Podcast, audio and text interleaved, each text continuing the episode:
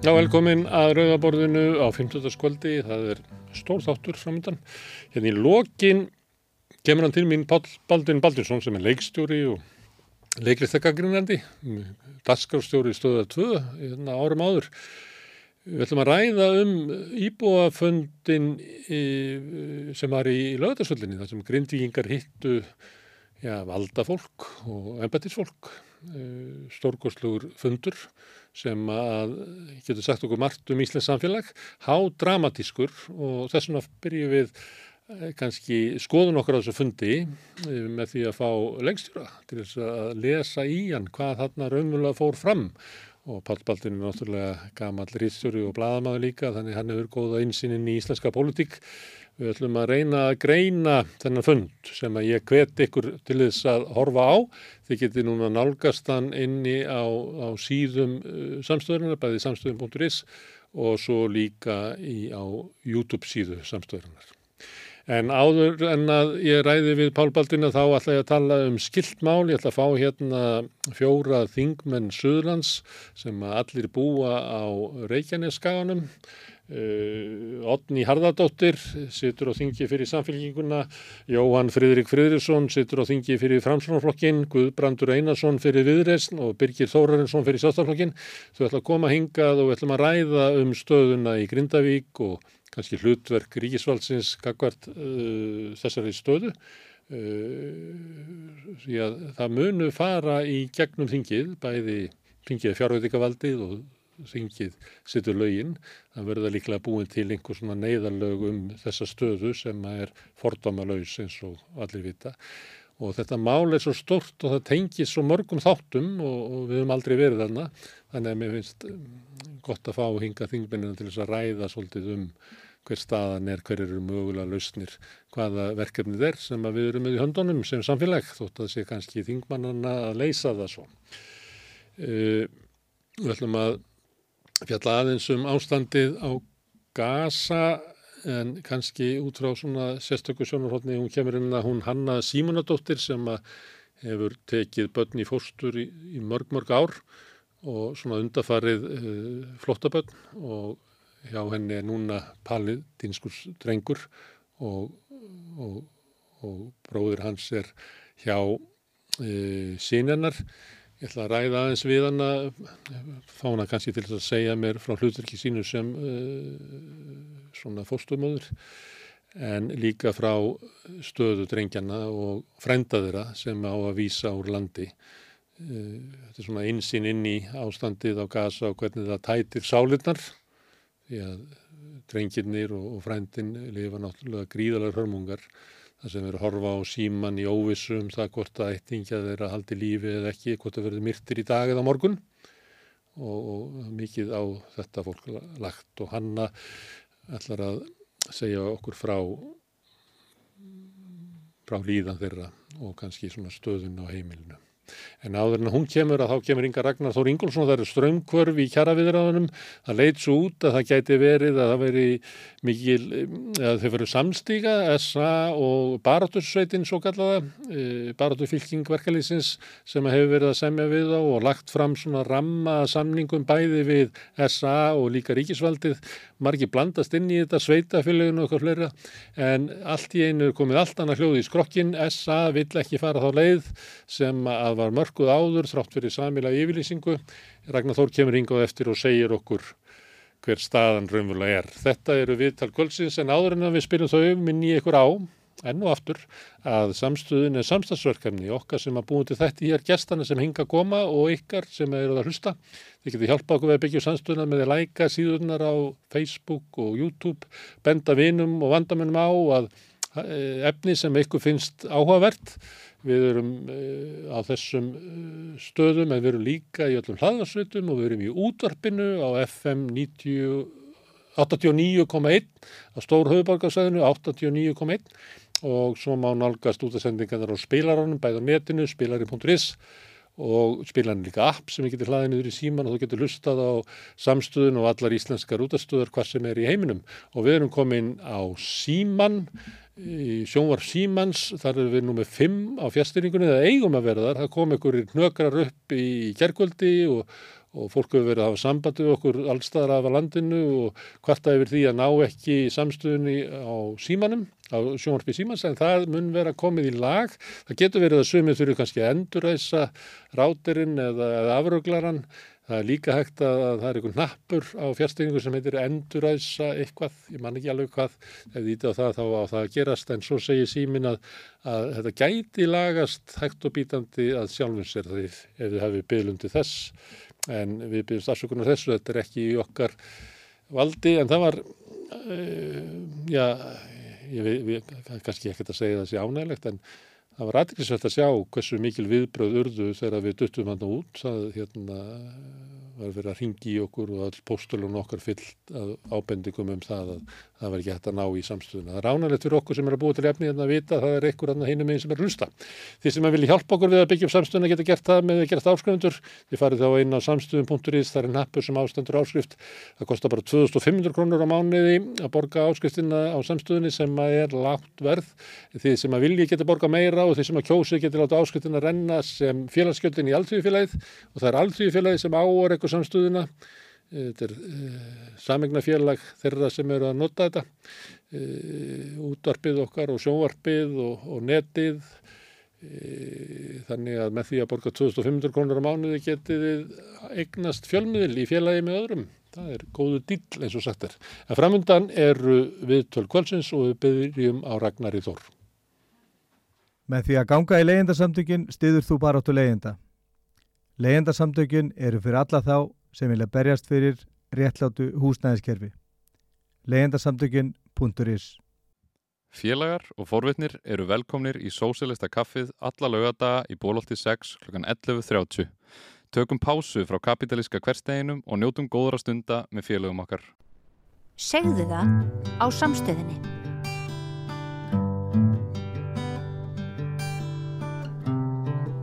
Já, erum við ætlum að byrja á kjaraviðröðunum sem voru á fljúandi farti hérna millir jón og nýjás og fram eftir janúar en er núna strand. Ragnar Þór Ingelsson, formað að fer, hvað, hvað gerist? Já, ef, ef við kannski byrjum á svona byrjunni þegar við uh, hittum uh, Sandok Atilusins uh, þá kynntu við fyrir þeim hugmyndafræði sem snýra því að ná niður vöxtum og verðbólgu mjög hratt og vel. Mm. uh, í því fólsta að uh, svona endurreisa, ákveðin endurreist tilfæslu kerfana en þá mjög, mjög hólegum hætti. Mm. eins og voru svona cirka 2013 Já og uh, við sáum það að, að svo aðgerð var að skila lág og millitekju hópum þetta upp í 30, 40, eða svona 30 til 50 þúsund í vasan uh, og síðan auðvitað að ná niður vöxtum hratt og vel og við sáum fyrir okkur að það væri vel gerlegt að ná verbulguna á þann stað mm. að vextastegi fari hér niður um 2,5% á 12-14 mánuðum. Mm.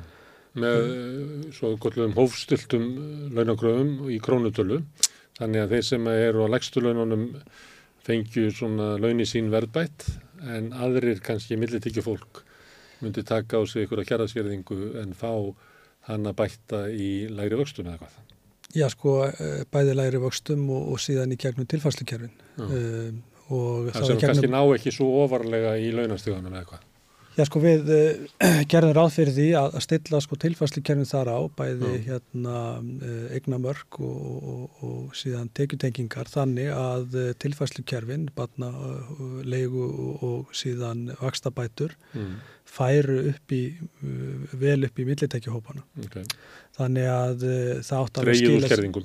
Já og, og, og þannig að það var alveg ljósta að við þyrtum að vinna uh, líka tilbaka fyrir mildekjuhópana í gegnum tilværslukerfin mm, okay. uh, og síðan auðvitað nániður vöxtum hratt á vil og, og, og bara 1% niður í vexti á 40 miljón krónar húsnæðarsláni er um 33.000 krónur mm.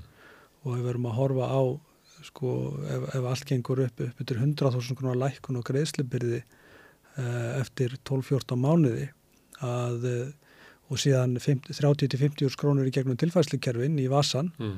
að eh, þá er í sjálfu sér hægt að segja að sko launaliðurinn sem slíkur er hálgjört aukatriði og inn í þessu átt að fylgast líka algjör verðlagsfristing uh, uh, fyrirtækin dræju bóðar hækkanir tilbaka og sömulega sveitafjölu líka og það er sett eitthvað algjört hámark uh, á, á slíkar hækkanir og við vorum að horfa til lífskjara og það var, uh, var krafan 2,5% hámark mm.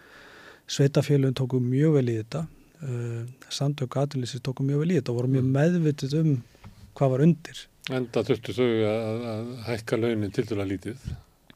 Nákvæmlega. Það er eiginlega bara svona í takt við verðlag kannski. Já, valla það, þú veist, ég minna valla það. Þannig að það var frábært dýtt fyrir þessa. En, en frábært dýtt fyrir þessa og líka fyrir fólkið í landinu að, að, að, að e, forma líka samningi þannig með forsendu ákvaðum mm. sem að e, voru með innbyggðri refsingu Eh, á okkar samningsæðala ef að til dæmis stjórnvöld væru ekki að efna ákveðna hluta samningsins. Ég er nú bara að fara yfir þetta í gróðum dráttur mm. og fjölmörg atrið þarna undir líka mm. sem að mm. Ég ætla kannski ekki að fara á, í smá atriðum yfir hérna. En það er eh, strandar þetta núna á SA raunverulega í bara grunn hugmyndafræðinni. Þau eru raunverulega að hafna henni, þau eru að hafna krónutuleikunni. Mm -hmm. Og síðan það sem að kannski meira er ef ég, ef ég klára þessu stuttu yfirferð við lögðum algjörlega spilin á borði strax í upphæði, mm.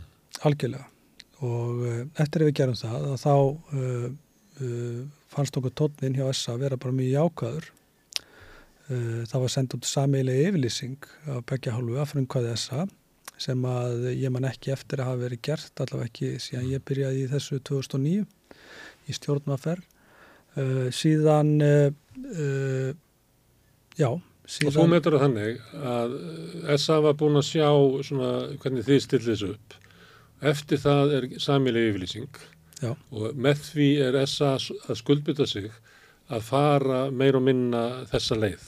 Getur það náttúrulega samið með einstu gatrið og svona. Já, já. Það er búin að fallast á ramman. Já, og auðvitað, auðvitað uh, gerur okkur grein fyrir því að mögulega sé einhver frávik þar undir, bæði tímalínur og annað og uh, það sem svo atbyrður sem fer síðan af stað uh, er bara mjög sérstök svo vægt sér til orða tekið að Sandok Atunlýsins fara að leggja fram sem sagt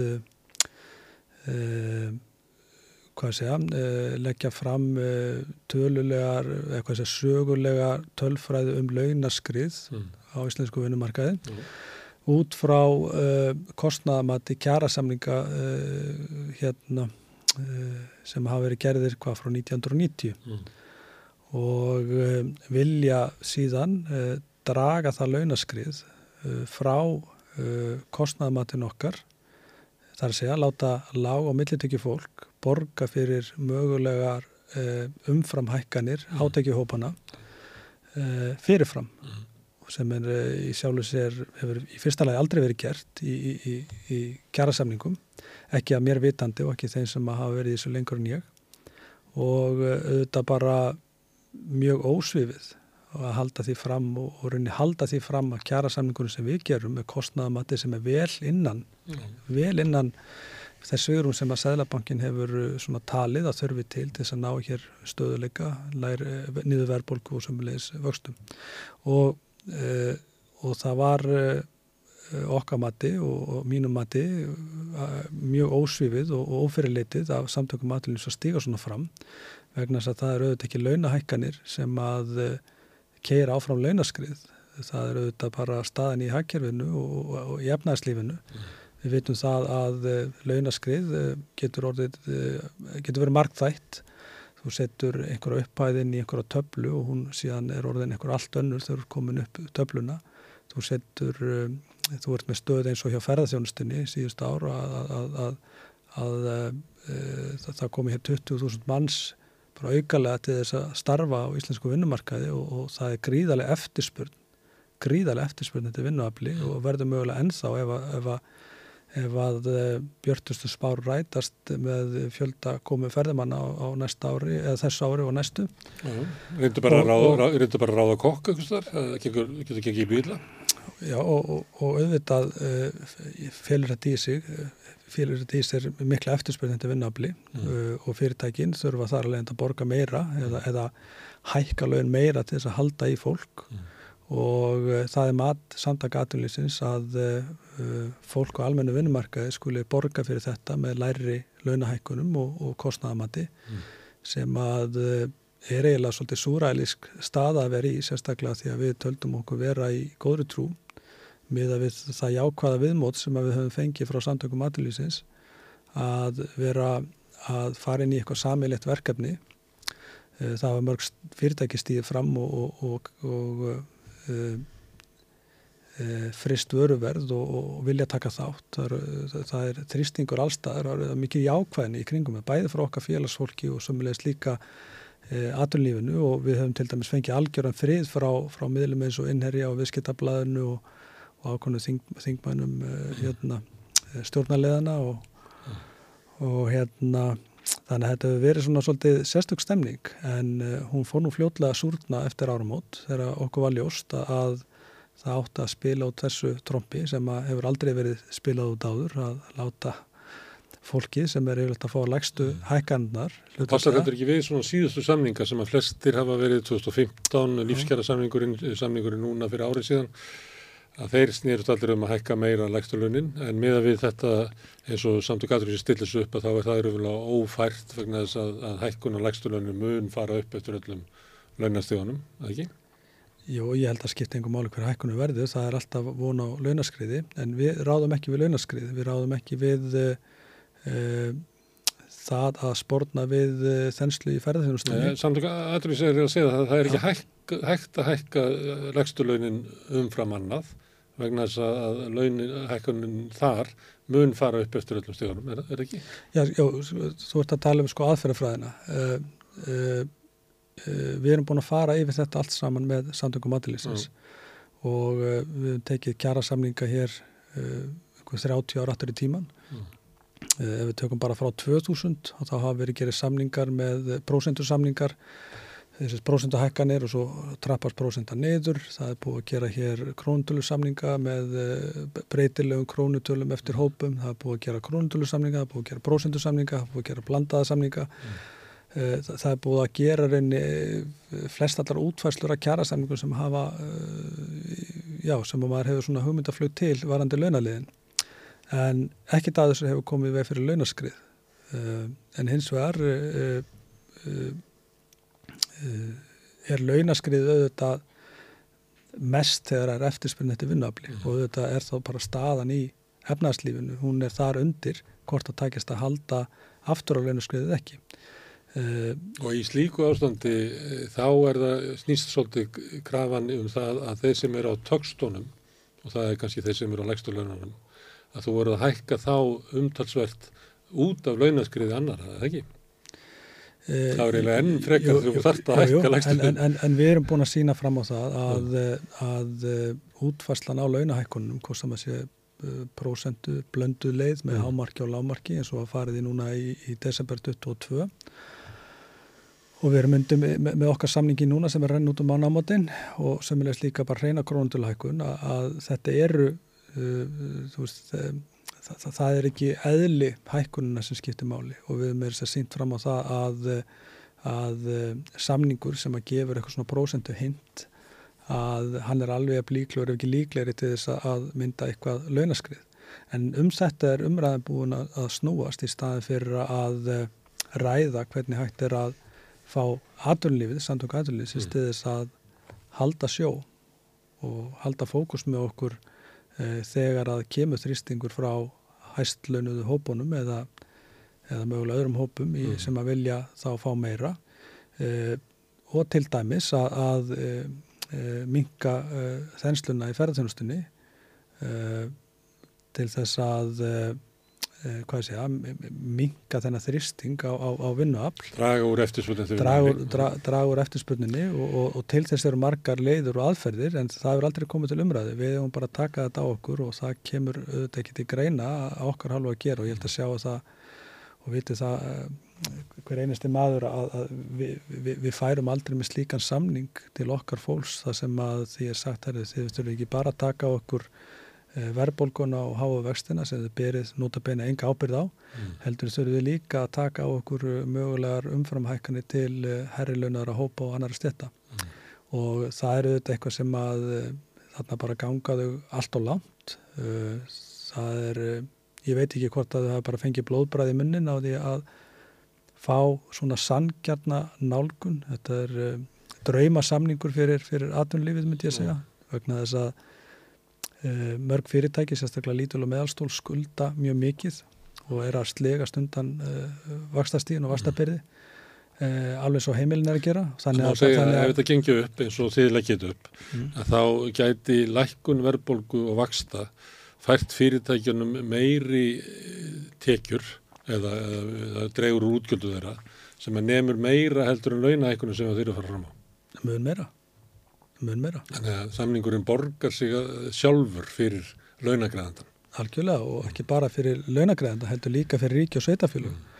Mm. Um, uh, Dýlinn við sveitafélugum var auðvitað að sá að, að, og við erum búin að kynna þessa hugmyndafræði fyrir sveitafélugunum, að uh, gjaldskrár hækkanir, bóðar hækkanir og þær sem hafa þegar komið til frangvönda uh, verið dregna tilbaka Uh, og uh, uh, með því að fara í þessa vegferð og, og, og hópurum muni skuldbynda sig að þau, þeir óperu starfsmið sem eru innan okkar raða haldi sömu línu. Þannig að sveitafélagin geta rauninni fengið alveg frítt spil í, í komandi kjaraverðan við, við starfsgreinafélagin að því að við varum búin að ganga frá sem þeim hætti og bara sko vaksta kostnaður ríkisins og sveitafélag er bara stjartfræðilegur það eru mikla skuldir og mikla skuldbyttingar og ávinningurinn ef að þetta markmið næst eh, er, er markfalt uh, sá svo, svo tekjur rýrnun sem að sveitafélagum verða að með því að, með því að draga eh, gjaldskráðhækana tilbaka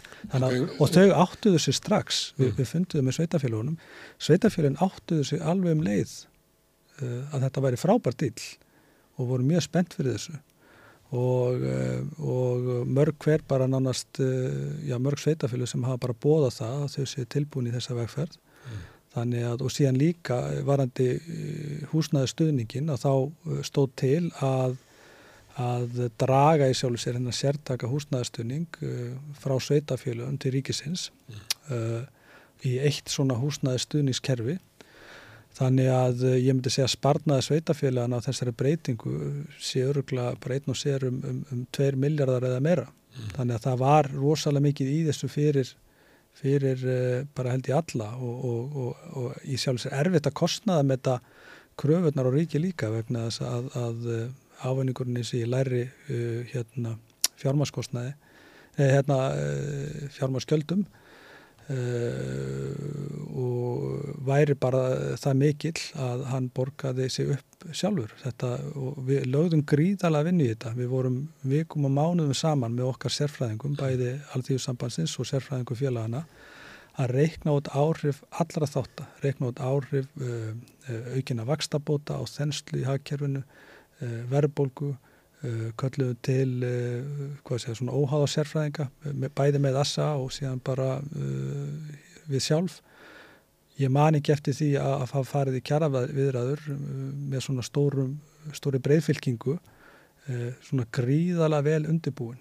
Bæði sko þá er ég bara um all, all tölfræði gögn uh, til þess að geta raukstutt það þetta væri gerlegt vegna þess að, að grundvallar atrið í þessu öllu er að fólk hafi trú á því ef að almenningur hefur trú á verkefninu, ef að atunlið hefur trú, trú á verkefninu, ef að sveitafélun og, og, og, mm. ríkistofnin hefur trú á verkefninu, þá tekst okkur þetta verkefni. Mm. Og, og, það sem ger, það, það, það sem gerist held ég bara núna er að, að eins og mér, mér hefur grunnað núna síðustu, síðustu vikur að samtöku aðlunleysins hafi ekki trú á því að þau geti eh, haft segja, taumhald á, á sínum aðaldafélugum. Þau trúðu því fyrir áramót en núna ekki. Hvað er það sem að breytist? Var fólki sem að þið voruð að tala við og leist vel á þetta, kom þá bara í ljós að þau höfðu ekki fullt umbóð til þess að fara þessa leið eða er bara ágrinningur inn í samtökum aðlýsins hvaða leið á að fara? Akkur hérna, breytir samtökum aðlýsins kurs? ég held að sé byllandi ágreiningur innan þessa um uh, uh, stöðuna Mm. Ég held að sé mjög margir sem vildu fara þessa leið og, og, og, og ganga þessum þessari hugmyndafræði okkar og, og verjana Mm. í því fólkstöðu þetta líka vera með forsöndu ákvæði sem að væri það stíf að ef að fyrirtækin færi að hækka vöruverð sem að færi svo til vístöluna Mm. að það erðu uh, þá launahækkanir eða raunni ákveðin verðtrygging sem að fælist, fælist í sér inn, inn í okkar samningum og líka varandi vakstastig, emdir stjórnvaldar að samningar eru einfallega lausir Mm. ef einhver allar ekki að standa við sitt ekki, ekki einhverjar hérna, nefndir eða, eða, eða fórsöndu á, hópur uh, begja aðila kallast. ekkert svo leiðis, Nei. bara ákveðin, ákveðin sjálfverkni og, og, og, Samningu verið automatíst bara myndi falla niður ef að verðbólga færið yfir eitthvað tiltekist ekki. Já, eða, eða laun myndu hækka Voru ekki eitthvað fyrirtæki sem hafðu líst yfir svona vilja í þess áttina? Voru senda frá svona hálfgerða yfirlýsingar um það? Jú, jú, jú, jú, Eins mikil og ósköp. hvaða Uh, fyrirtæki? Já, bara til eins og, eins og Bíkó núna síðast uh, að frist allar hækkanir all næstu sex mánuði Mm. um, en síðan höfum við líka bara fengið mjög jákvæð viðbróðs uh, Mm. út í samfélaginu, bæði frá fyrirtækjum og, og sem leist líka bara okkar félögum. Mm.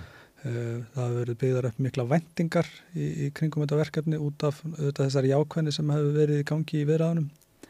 Uh, en síðan bara þegar árindi uh, þá var alvaran ekki meir en þetta.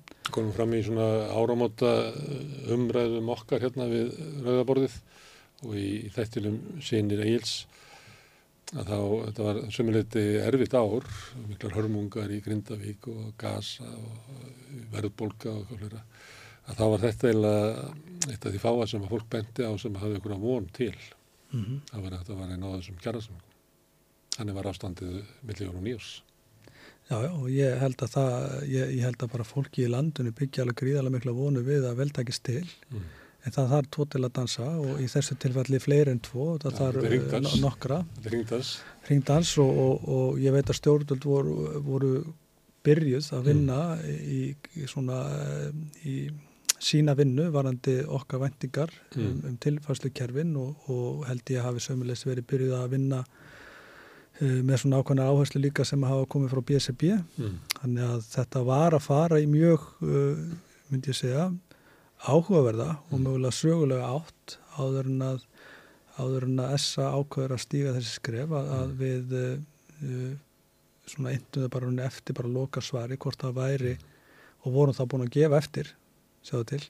Það er við vorum búin að, að, að, að uh, uh, við vorum búin að sína sveigjanleika, ef ég get orðað það þannig. Nú var þetta hvað Uh, já, já, svo sem kannski fer ekki alveg onni hérna, dítelinu núna okkur þessum, þessari stundu en við, við vorum sannlega búin að sína sveigjanleika og það verður ekki tekið á okkur. En þau standa alveg fast á sínu og, og uh, ég hef heyrt það bara svona í, í viðtölum og, og svona orðræðinni að, að það er verið að stilla þessu upp að, við vildum ekki blandaða leið Uh, og, og samtök aðlinsins töldu króntölu leiðin að vera á dýra. Hún, hún, hún kallaði mér að launaskrið og svo leiðis Já. þetta er algjör fyrirsláttur uh, vegna þess að þetta rauninni þetta uh, stoppar allt rauninni bara á kostnaðamatti mm. samtök aðlinsins og þeirri, Þú vilja bara borga minna. þeirri hugmyndafræði þeirra að, það klæðið inn í svona teknilega já, og bara vilja það borga minna já, þau voru að bjóða um samninga sem eiginlega borguðu sér sjálfa fyrir þá en þau vilja þá bara græða á samningum Það má eiginlega segja það og, og, og vilja ganga raun miklu, miklu uh, lengra heldur en nokkur tilefni til Mm. og vilja að, uh, launa fólk á, á, á almennu vinnmarki, lagslaunaða fólki í okkar samfélag og millitöki hóparnir sem, að, sem að eru konur í, í mjög þrönga stöðu borgi fyrir uh, launaskrið annara. Þetta er svona eins og að segja sko, að, að við getum ekki hækkað lagstulaunin vegna þess að það þarf að borga fórstjórunum bónusa. Mm. Þetta er, þetta er algjörlega fráleit nálgun og hefur aldrei verið nótuð svona og, og, og ég hef bara að segja það bara vonbriðin bæði hjá mér og, og, og inn í okkar hóp er alveg gríðaleg. Herðu, en til þess að þetta gengi upp að þá þyrfti að verða til eitthvað sem heitir svona þjóðarsátt og þú veist alveg að það þeir sem er ekki við samningana Mm. Eru hérna ósáttir eða, eða smeyk við það að, að þið semjuðum eitthvað sem að verða svo bara handjátn og aðra samninga uh, fagfélögin fyrir utan uh, smiðin og þeirra sem eru með ykkur í hópi eru bara búin að vísa kjaradeilun inn í, í til ríkisáttarsemina. Ég var hérna með þrjáfulltrú á Rópebærageranum, kennurum sem er náttúrulega bara eru líka með þólorði þjóðasátt því að þjóðasátti síðast var bara rekinun í kokki á þeim, það var bara sviftir samlingsrétti og sameiki og, ég var með hérna, félagsákjafa, nei, félagsákjafa félagið. Og þau voru mjög svona ósátt við það að væri farið í ganga eitthvað sem ætti að vera þjóða og leggja línunda fyrir alla því að þau töldu sér vera að hérna, þurfa að leiðir eftir alls konar hluti annað og voru rættum að þessi samningar eru svo þröngir að það væri ekki svigrum til þess að, að rétta hlut hvennastjætta, ekki möguleiki á því að bæta uh, ójafvægi milli óbyrbramarkaðarins og, og, og hérna, almennamarkaðarins sem er langvarandi verkefni kennara til dæmis og annað slikt. Þannig að eh, gæti það verið að SA myndi lítið og svo á að, að sko pólitísku stuðningurinn við að fara þessa leið, hann væri bara ekki nóg, verðan þess að það væri þarna eh, sagt, eh, félög og kannski félög sem eru þá með millistjettinnar og kannski rúmlega það, BHM er til dæmis ekki lítið við neinu stuðningi við þessa leið, það mér er bara meta það að væri bara pólitíst eh, erfitt að fara þessa leið, vegna þess að það væri engin sátt í samfélaginu um að fara það. Uh við gerum okkur vel grein fyrir því að, eh, að eh, við höfum verið að fá pillur frá, frá félögum okkar eh, úr ofnbjörðu félögunum mm. uh, en við erum uh, 93% af, af alltíðusambandinu öllum félögum á, á, á almennum vinnumarkaði mm. við erum 73% af minnir af vinnumarkaðinum í helsinni Þetta er ekki beint pillur, þetta er svona, þú maður að semja, regna minn, en ég ætla að fá að semja þau mín kjör, það segir þér, ekki binda mín mína samling. Ég er að mynda að svara þér. Uh, við erum líka ólíkur hópur innan okkar raða sem mm. að uh, náðum að uh, komast að niðurstöðu um hvað, hvernig og við ætlum að ná niður verðbólku og vöxtum, mm. hvernig við ætlum að endur þessa tilfæslu kerfin. Þetta eru auðvitað mál sem að uh, gagnast ekki bara okkar hópum, heldur öllum hópum, tala til dæmis mjög stert inn í uh, stefnu og kröfu BSRB félagana mm. og uh, við höfum, ég, ég hef verið í sambandi við Sonju, mm. formann BSRB og sérfræðinga BSRB og, og, og, og breyðfylkingarinnar hafa hist og farið yfir svona struktúrin og hugmyndunar okkar. Við vitum hvaða áherslur eru svona í grunninn hjá BSRB sem þurft að koma inn í svona samkómalag. Mm. Við erum einfallega ekki komin á þann tímapunkt að það komi fleira að þessu borði. Uh, að ætla til dæmis núna þessum tímapunkti að taka samflót uh, félagina aðeins í sem náðu ekki eins og öll að vera sammála um hvaða leið þetta fara. Það er ekki öll félagin með okkur. En að, þú veist, uh, halda því fram að það sé að ná einhverju svona breyðri samstöðu með því að taka einn fleiri og ennþá ólíkari hópa eh, er, er eiginlega bara, sko fellur eiginlega bara sjálfsig. Veist, það, það er útilokkað að e, svona stór hópur með aðkomi til dæmis e, KI, BSB, BHM og fleiri félagaskilur að, að, að við færum að ná einhverju sameilir í niðurstöðu. Þetta, ég held að, ég, ég held að, að, að þú þarf ekki að rýna djúft í það til þess að sjá ákveðin ómöguleika. en, en, en þá kemur líka á einöðru að ég hef einmitt nefnt sko uh, marga þætti sem þarf að leiðri þetta hjá ólíkum hópum, félagum okkar inn í ofnbæra markaðnum og víðar. Þetta þarf að laga, hitt þarf að laga mm. það þarf að leiðri þetta og það þarf að leiðri þetta hitt. Mm. uh, það talar auglustlega ekki inn í verkefni sem við erum að, að, að tala um. Uh, við þurftum að gefa eftir uh, gríðala margt í okkar kröfum til þess að ramma það inn í uh, það kostnaða mat sem að kjara samlinga kosta, hvað sem það kosti ríkið eða okkur, til þess að ramma okkur og hvað ég segja þjapp okkur undir það kostnaðamat sem að getur leitt til lækkuna verðbólku og vaksta ef við kæmum með jólagjaflistan okkar sem að við eigum svo sannlega til langan og, og, og frábæran jólagjaflista með frábærum hérna, gröfum og veist, við erum með 30 árlofið sem að ofnbæri félagin fengu í síðustu samningum. Við erum með lengri og meiri stýtningu vinnuvökunar, við erum með veikindaréttin, við, við erum með helli, við erum, við erum með langa lista. Eitthvað af þessu er inni en uh, það rúmaðist rúma, rúmaðist mm. ekki mörg atri uh, það er annarkort að fara þá leið að horfa bara, hér er búin að vera hérna, 8% verðbólka, hér eru kaupmáttar rýrnu verið þetta mikil, hér, þetta er allt sem ofnbyrjufjölinn hafa þú fengið, en við ekki. Þetta viljum við fá. Þetta viljum, þetta viljum við fá leiðrétt, við viljum láta leiðrétta þetta, við viljum láta leiðrétta mm. uh, laun hérna, starfsólki verslun. Við viljum láta leiðrétta þetta og hitt. Uh, en kostnæðamatti verður auðvitað ekki til þess fallið að það sé neitt einasti möguleik að ná hér einhverjum verðstöðuleika uh, næstu árin uh, hvort sem við náum því gegn eða ekki.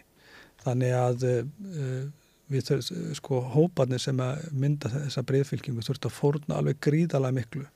Og þess vegna fór svona mikil vinna í þetta vegna þess að við vissum að við þyrtum að gera það. Á einhverju tímapunkti myndi ég segja að ef okkur hefur tekist að komast áfram uh, með þessa vinnu, kakvar þessa komast inn í næsta fasa sem voru fórsönda ákvæðin uh, ég veit að ríkistórni var byrjuð á, á þessari vinnu byrjuð að setja saman sína aðkomu allavega tilur aðinni mm. með tilliti til uh, krafna BSRB þannig að ég, ég hafði ekki áhugjör af þessu, ég hafði ekki áhugjör af því þó að auðvitað er það þannig að þú ert ekki við borðið þá, veist, það, það, það er glatað að vera ekki við borðið. Og glatað að hafa ekki skilur hérna uh, svona reyðstjórna vald yfir því sem verður að semjum og það er bara mjög skiljanlegt. Fólk vil ekki láta aðra semja fyrir sig. Að, sjálfs, að sjálfsögðu ekki, en Við lendum í þessu síðast gætu þess að sko við fengum hennan skamtíma samning sem kom frá ykkur ég, hann var ekki góður. Nei, nei, ég, ég verið þessari stöðu sjálfur og þetta er ekki góð stað að verið. Ég verið þeirri stöðu að, fá eitthvað sem annar, aðrir er búin að gera og þeirra búa til einhverja kökur ráefni sem einhver annar hefur keift. Þannig að eh, og, og þetta er ekki góð stað og ég skil mjög vel mm. uh, afstöðu þeirra félag sem er ekki við borðið. En það eru kostur og gallar að vera uh, fyrstur uh, gallatinn fyrir okkur að vera alltaf undan er að þeir sem á að koma á eftir vilja fá það sama og meira. Ja, Geta kleipið eitthvað aðeins svona. Já, það er og hefur alltaf verið þannig. Við það erum alltaf, almennamarkunum hefur alltaf verið stilt upp fyrst og svo aðri getur komið, fengið það sama. Og, já, já. Já, ég spurði það þessu. Uh, segjum sér svo að staða sér núna að það sé höfuð markmið er að aðalófinnur okkar er verðbólgan og þess vegna verðum við að búa til samninga sem að hefa það að megi markmið að lækka verðbólgu og vexti inn í samfélaginu. Og ávinningurinn af því kemur meira til þeirra sem eru með villitekjur og þarfir ofan því að þau geta skulda meira, lálöfna fólki bara sem er tilfellum bara færi ekki að skulda eins og niður og, og þetta er okkar megin markmið. Nú er ekki tíminn til þess að allir komi fram með eins og þú kallar jólagjafalista en er bara getur verið sko réttlátar gröfu sem að félagin hafa verið að berjast fyrir árun saman og til dæmis í tilfelli kennara er búin að semja um einhverja leiðrýtingar sem að stjórnul svíkja aftur og aftur og þú þekkir það hvernig það er að ja, það er einhverjir tímarammar og svo er, er samningur búin og það er ekki búin snertið eins og því. Það, nú er bara ekki tíminn fyrir það. Nú verðum við að gera svona samning sem er snýst um, um verðbólkuna og ég spurði það. Og þau sögðu bara nei. Og hérna, hérna Magnús Þór Jónsson, farum að kenna samfélagsins hann sagði, þú veist eitthvað í þá veruna, ég er náttúrulega endur segja það sem hann segir og hvernig ég upplýðu hvað hann var að segja. Mm. ef ég færi með svona samning eins og maður heyrist í fréttum hvað þetta er þú veist ég menna þú veist það verður bara aldrei samþýttur bara aldrei samþýttur af mínu fólki. Mitt fólk er hérna búin að vera að kingja okkur hlutum, kingja okkur hlutum í fyrra. Mm og, og það vil fá eitthvað hérna, leiðrétt ykkur sinna manna núna og það er bara komin svona baráttu hamur í það fólk. Ja. Kannski er þetta staðan ja.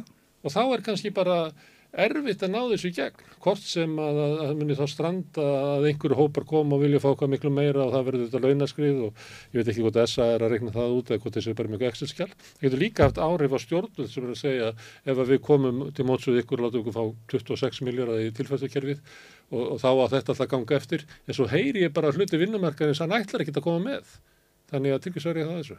Já, uh, við skulum ekki komast að einhverju svona niðurstöðu fyrirfram vegna þess að sko valkost Þetta er ekki spá, ég er að reyna að draga hver, hver eru línum já, og ég, ég, ég ger mér alveg grein Já, fyrir já, því já. en veist, þannig að, þannig að sko uh, ég hef ekki áhyggjur af, af, af því að uh, þegar upp er staðið að þá munu flestir vera með í svona vegferð ef hún getur teiknast upp aftur. Já. uh, uh, ástæðan fyrir því að uh, við vitum það 1% niður í vöxtum á 40 miljónar krónar láni er 33 skall í vasan Mm. ef við náum 3% 100 skall í vasan ef við horfum á tilfærslukerfin lág og millitekju hópar 30-50 skall í vasan allar einhver uh, allar, allar fórustu fólk í verkefnisreifingunni að stíga fram og segja nei við viljum fá tvöfalt það sem að uh, almenni markaðurinn er að uh, semjum í einhverja leiðréttingu uh, sem að er bara reyni brotabrót af þessum ávinningi sem að við erum að reyna að ná fyrir fólkið í ráðstöfunatekjum höfða skuld ekki allir einhverjar á leigumarkaði. Við erum að taka tillit til allar þessara þáttar við erum að tala um gjörbreytingu á, á húsalegu stuðnignum við erum að tala um uh, raunverulegt leiguþakk við erum að tala um uh, sagt, að hér verði farið í að uh, koma á nýju húsnæðislánakerfi. Uh, það er margt undir í þessu og það er ekkert sem að uh, uh, segir að önnu fél og önnu samtök get ekki samið um neitt annað. Það er bara ránt við erum með félögin í þessu bandalagi hjá okkur erum með fullt af öðrum kröfum sem að uh, við ætlum sameigilega að beita okkur fyrir Já, ég held að það er þetta komið fram í samtala okkar við, hérna við opið fyrir að það En- væri alltaf einhver svona, allir getur komið með svona sína eina, tvær sirkur. Já, en síðan er, síðan er líka fullt af máli sem að er bara nöðsynlegt að fara í sem að e, við erum bara sammála um að það sé farið í eins og til dæmis að leiðrætt að kjöra restingafólks. Það er allur hópurinn sammála um það að, að, að þó, að- að restingafólki sé ekki inn í, í vaffer Mm. Þá er bara staðið þeirra algjörlega óasatanlegt í okkar samfélagi og, og það þarf að fara í að leiðrætta kjöra þessa hópa. Og við ætlum að gera það saman. Mm. Uh, varðandi uh, uh, kennara eins og varst að tala um, ég menna kona mín er grunnskólakennari þó hún starfi ekki lengur við, hérna, við það skiljanlega og ég veit veist að það er, þú Ég- veist, það er ger- í hópnum það. já, já, já, ég Þegar maður er talað við Magnús þá heyrir maður í sko hestónum að krafsa í, í, í ég- gólfið í, hérna, í herbygginum bakveðan sko. ég gerir mér algjörlega grein fyrir því að, að sérstaklega staða ég þekki náttúrulega bara hvernig starfsumkörfi grunnskólakennarinn er Mm. og ég bara stið þeirra baráttu ég bara geri það og, og það getur vel verið að sé þarna einhverja atriði sem getur bara skipt sköpum til þess að, að sá hópu sér tilbúin til þess að koma með þess að vefferð Mm. en það er bara ekki tímabært að tala um það. Við getum ekki gefið okkur það fyrirfram að, að við ætlum ekki að vera með. Þetta bara hendar ekki okkur. En, en auðvitað uh, þarf bara að skoða hvern hóp fyrir sig. En í grunninn að þá erum við auðvitað að horfa á uh, stóra markmiði vexti, verðbólgu, tilfæstu kerfin og uh, auðvitað fleiri mál sem eru bara mjög uh, samfélagslega mikilvæg sem að ég held að við getum náð uh, ef við náum að útvika þennan hóp á einhverjum tímapunkti Mm.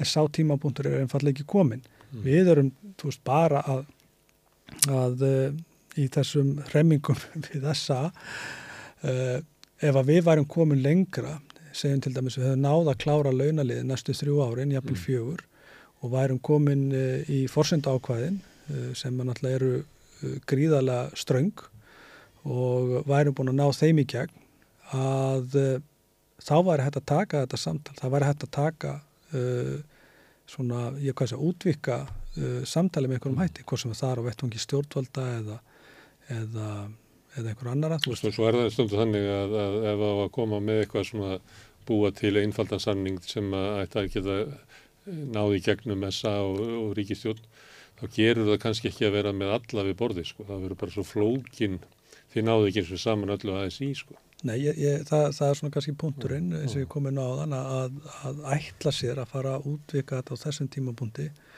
eða veist, það er eiginlega bara uh, döðadamt frá byrjun vegna þess að uh, það eru þetta rosalega auðvöld að semja við sjálfan sig og, og, og svo ertu með kannski ennþá starri hóp og, og þú veist, en, en við erum ekki viðsemyndin Það það er er- stór það er- hættur það- semja fyrir hönd annar að ímynda sér hvað aðri verið ánaðir fyrir að koma með tilhuguna mínar það, Já, getur verið, það er ekki alltaf þannig sko. þess vegna við, við gerum okkur alveg grein fyrir því að þetta erði alveg sko uh, brekka mm. að uh, sannfara samtöku aðurlýsins ekki, e, þú veist, þetta snýst ekki um hvort að sko fyrirtækin hafa efna á þessu þau leika sér að þessum Mm. Veist, menna það er bara, fyrirtækin er búin að vera að mala gull, þetta er einhver fyrirtæki sem hafa verið í einhverjum krökkum og allt það, það er alltaf þannig Það er ekki þannig að fyrirtækina hafi tekið á sig afleðinga verðbólgunar í Íslandi. Nei, nei, það bara nei, er nei, þannig. nei, það, það, það, að- það, er að eng, það er engar tölur Þannig sem það að er, styðja það er við bara það. sjálfsagt mál fyrir launafólk að labba en til fyrirtækina að fá, vilja fá verðbætt launin sem við vorum með síðast. Þess að fyrirtækin, ástæðan fyrir þetta hækkar allt saman,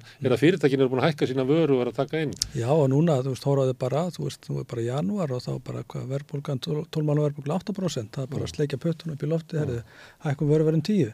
Þetta er svona og, og, og svona munið þetta verða um, ef okkur tekst ekki að koma þessu einhvern veginn aftur á stað en um, auðvitað er maður ekki droslega bjart síðan eftir uh, samtölinn núna síðustu dag og vikur. Ég leiðum bara að vera um, já, allavega það hólega bjart síðan að það jæðra við sart síni. Það vantar líka pólitíska fórustu í þetta. Það vantar Já. að ríkistjórnin stýja inn í þetta og, og sé hérna lítið svo á að þegar að vera þáttakatur í þessu en ekki að vera einhvern veginn að reyna að sleppa eins billega frá þessu og mögulegt er eins og virðist vera svona tóttin í þessu að koma bara að taka á móti ykkar kröfum. Það mætti í, hérna, í þjóðarsáttinu ef einhver mann þann tíma og ekki ætla ég að mæra þá samningi sjálfur sér. Ég held að þeir hafi verið hérna, launafólki mjög dýrir. En þá var náttúrulega eitthvað svona pólitísk fórusta í því að taka undir að reyna að leiða verkefnið Já, já, og það, mér finnst það va- va- vanta svolítið núna, þetta er svolítið, sko, já, uh, svona viðhorfi finnst mér, mér finnst það ekki vera neitt sérlega vel eh, tengd, sko, við, við eh, svona hjarta verkalýsfélagana og bara almenning í landinu. Það kom Það er- fram í já, fundinum, íbáfundinum í Já, ég er, ég er, ég er, ég er að segja það. Það var sláandi að ráðherra ríkistofninni hafi ekki hugmynd um það hvað grindvikingar eru að hugsa á þessum tíma. Sko. Já, verðist ekki hafa hugmyndum það hvernig þið líður Nei. og þú veist, þetta er, uh, Og, og maður hugsaði sko, og ég, ætli, ég meina, þetta, þetta er gott fólk, þú ætti að fara að segja það, ég er nú ekki ofta að taka undir þetta alltaf. En það er eitthvað að kerfin okkar. Ef að hérna, líðan grindvikinga og þeirra sjónamið ná ekki upp til ríkistjóðarinnar sem á að leiða verkefnið, þá er bara eitthvað að. Þá er bara alltaf mikið að já fólki einhvern veginn í kringur áðurana, þá er einhver að segja ósatt á leiðinni. Já, já, já. Þetta bara berast ekki upplýsingar um það hvað fólk vill til ráðurana. Þetta var sláandi að horfa á hana fund. Já, sko, samanlega, þetta er alls ekki, þetta er ekki vant fólk, en það er engin jartekking í gangi. Veist, ég, ég held að, sko, að, að ráðstæra ríkistjórnarinnar, kannski ekki alveg allir, en þeir sem voru aðná fundinum, hafi flesti verið í áfalli eftir fundi. Eftir fundin, vegna þess að þeir bara hafa ekki verið, ég meina, við höfum verið að reyna að koma ákveðinu sjónamiðum á framfæri, ég, Hörður og, og Einar Hannes, Já. við ríkistjórnina. Þau hefur staðið í andurum og lífyrirsjóðum verið að reyna að koma svo skilabóma framfyrir. Já, já, en síðan þegar kemur að sko, veist, það er bara eins og uh, eins og fólk bara, það, það sé bara eins og, það, það er engin jarteking, það er Nei. bara, það vantar eitthvað skaut þarna á milli Mm. sem að uh, gefur svona, ráðamennu þjóðarinnar, þeir sem að öllu stjórna hérna á Íslandi, einhverja tilfinningu fyrir því hvernig fólk er að hugsa, í hvernig stöðu þær uh, sko, hvaða uh, sálrænu áhrif andlegu áhrif þetta er að hafa á Mm. fólki í þessari stöðu nú bara eins og til dæmis uh, almalegu félag sem að uh, sendi rukkun fyrir januar Mm.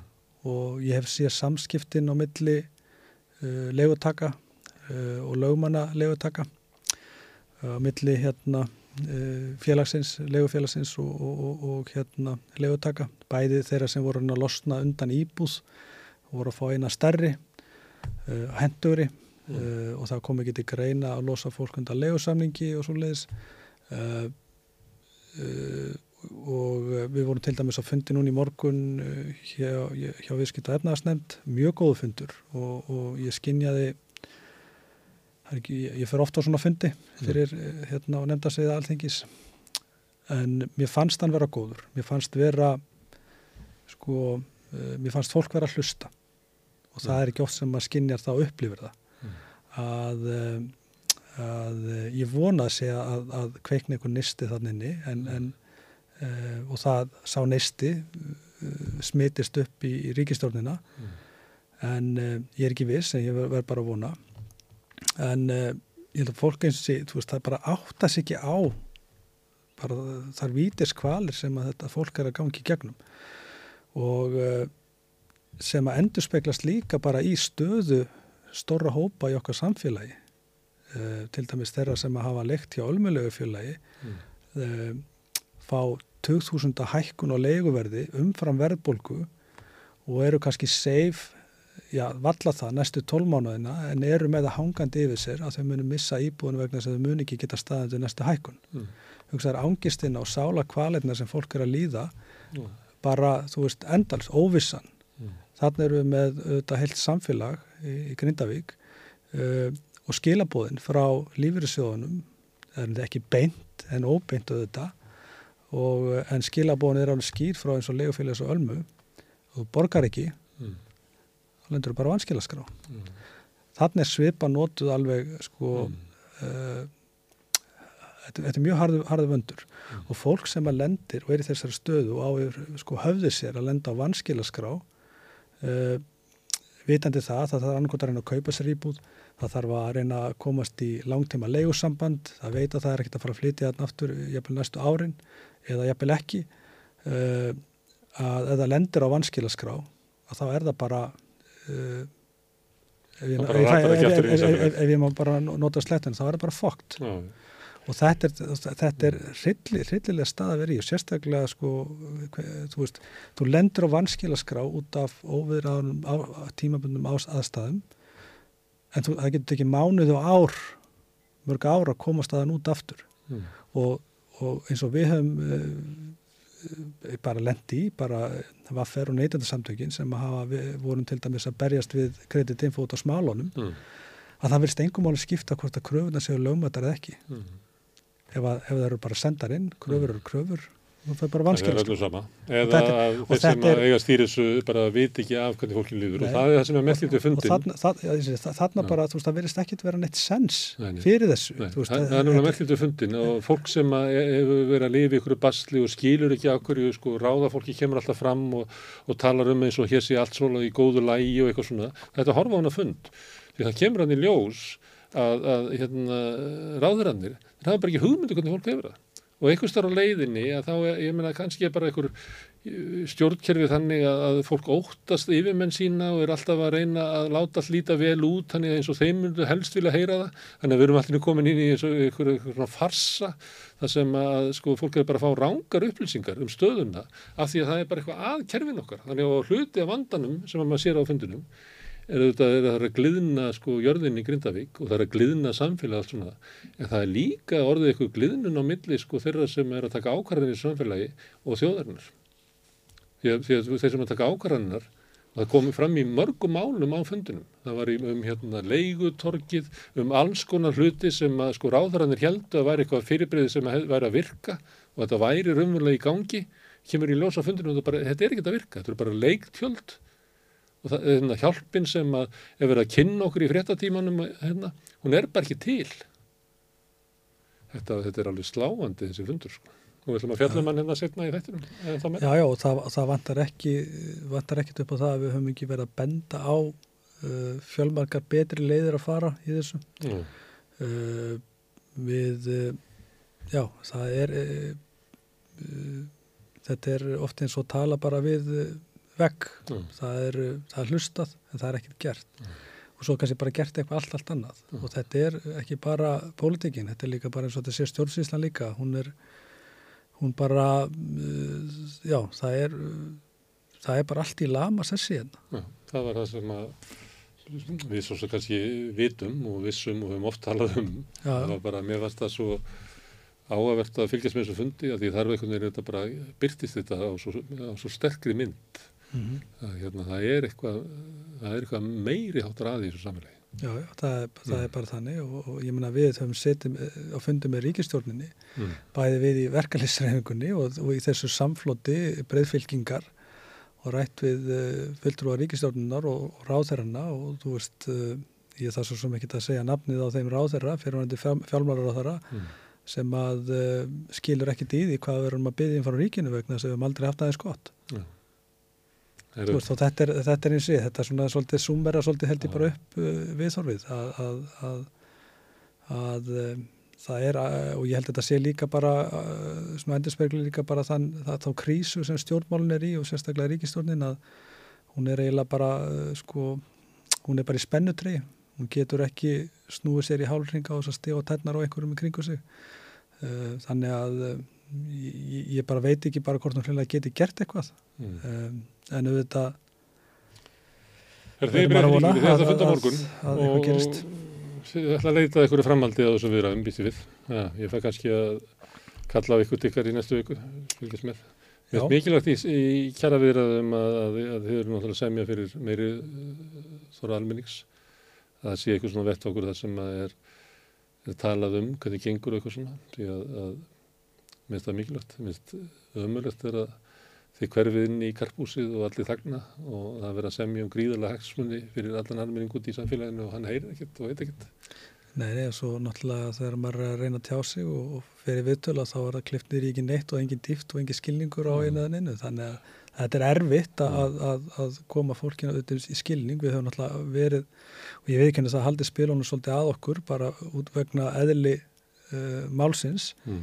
Um, en uh, nú verður breyting þar á. Ég held að, að uh, við vorum alveg saman á um það hópurinn að nú munum við opna okkur meira um hugmyndafræðina og það sem var í gangi og, mm. og það sem koma skall Herðu, kæra þakki Ragnar. Takk fyrir. Herðu, og Við ætlum að halda áfram að skilja samfélagið sem við lögum í. Hérna framundan er alls konar. Hvernig getur við réttlætt að um 63% eblingarkvenna eigi erfitt með að ná endum saman Ebling stjættarfélag. Baróta fyrir betra lífi. Allir þættir samstæðvarinnar eru fáanlegir á öllum helstu hlaðvarpsveitum.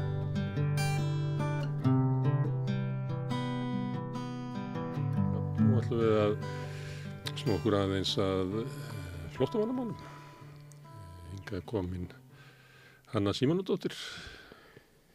Ástæðan fyrir að þú kemur hingað er að, að, að þú ert e, fórstumóður Jasan og Samír ungra ég, drengja. Já, ég er enda fórstumóður Jasan en Samír er aftur á móti fórstur á sinni mínum. Já.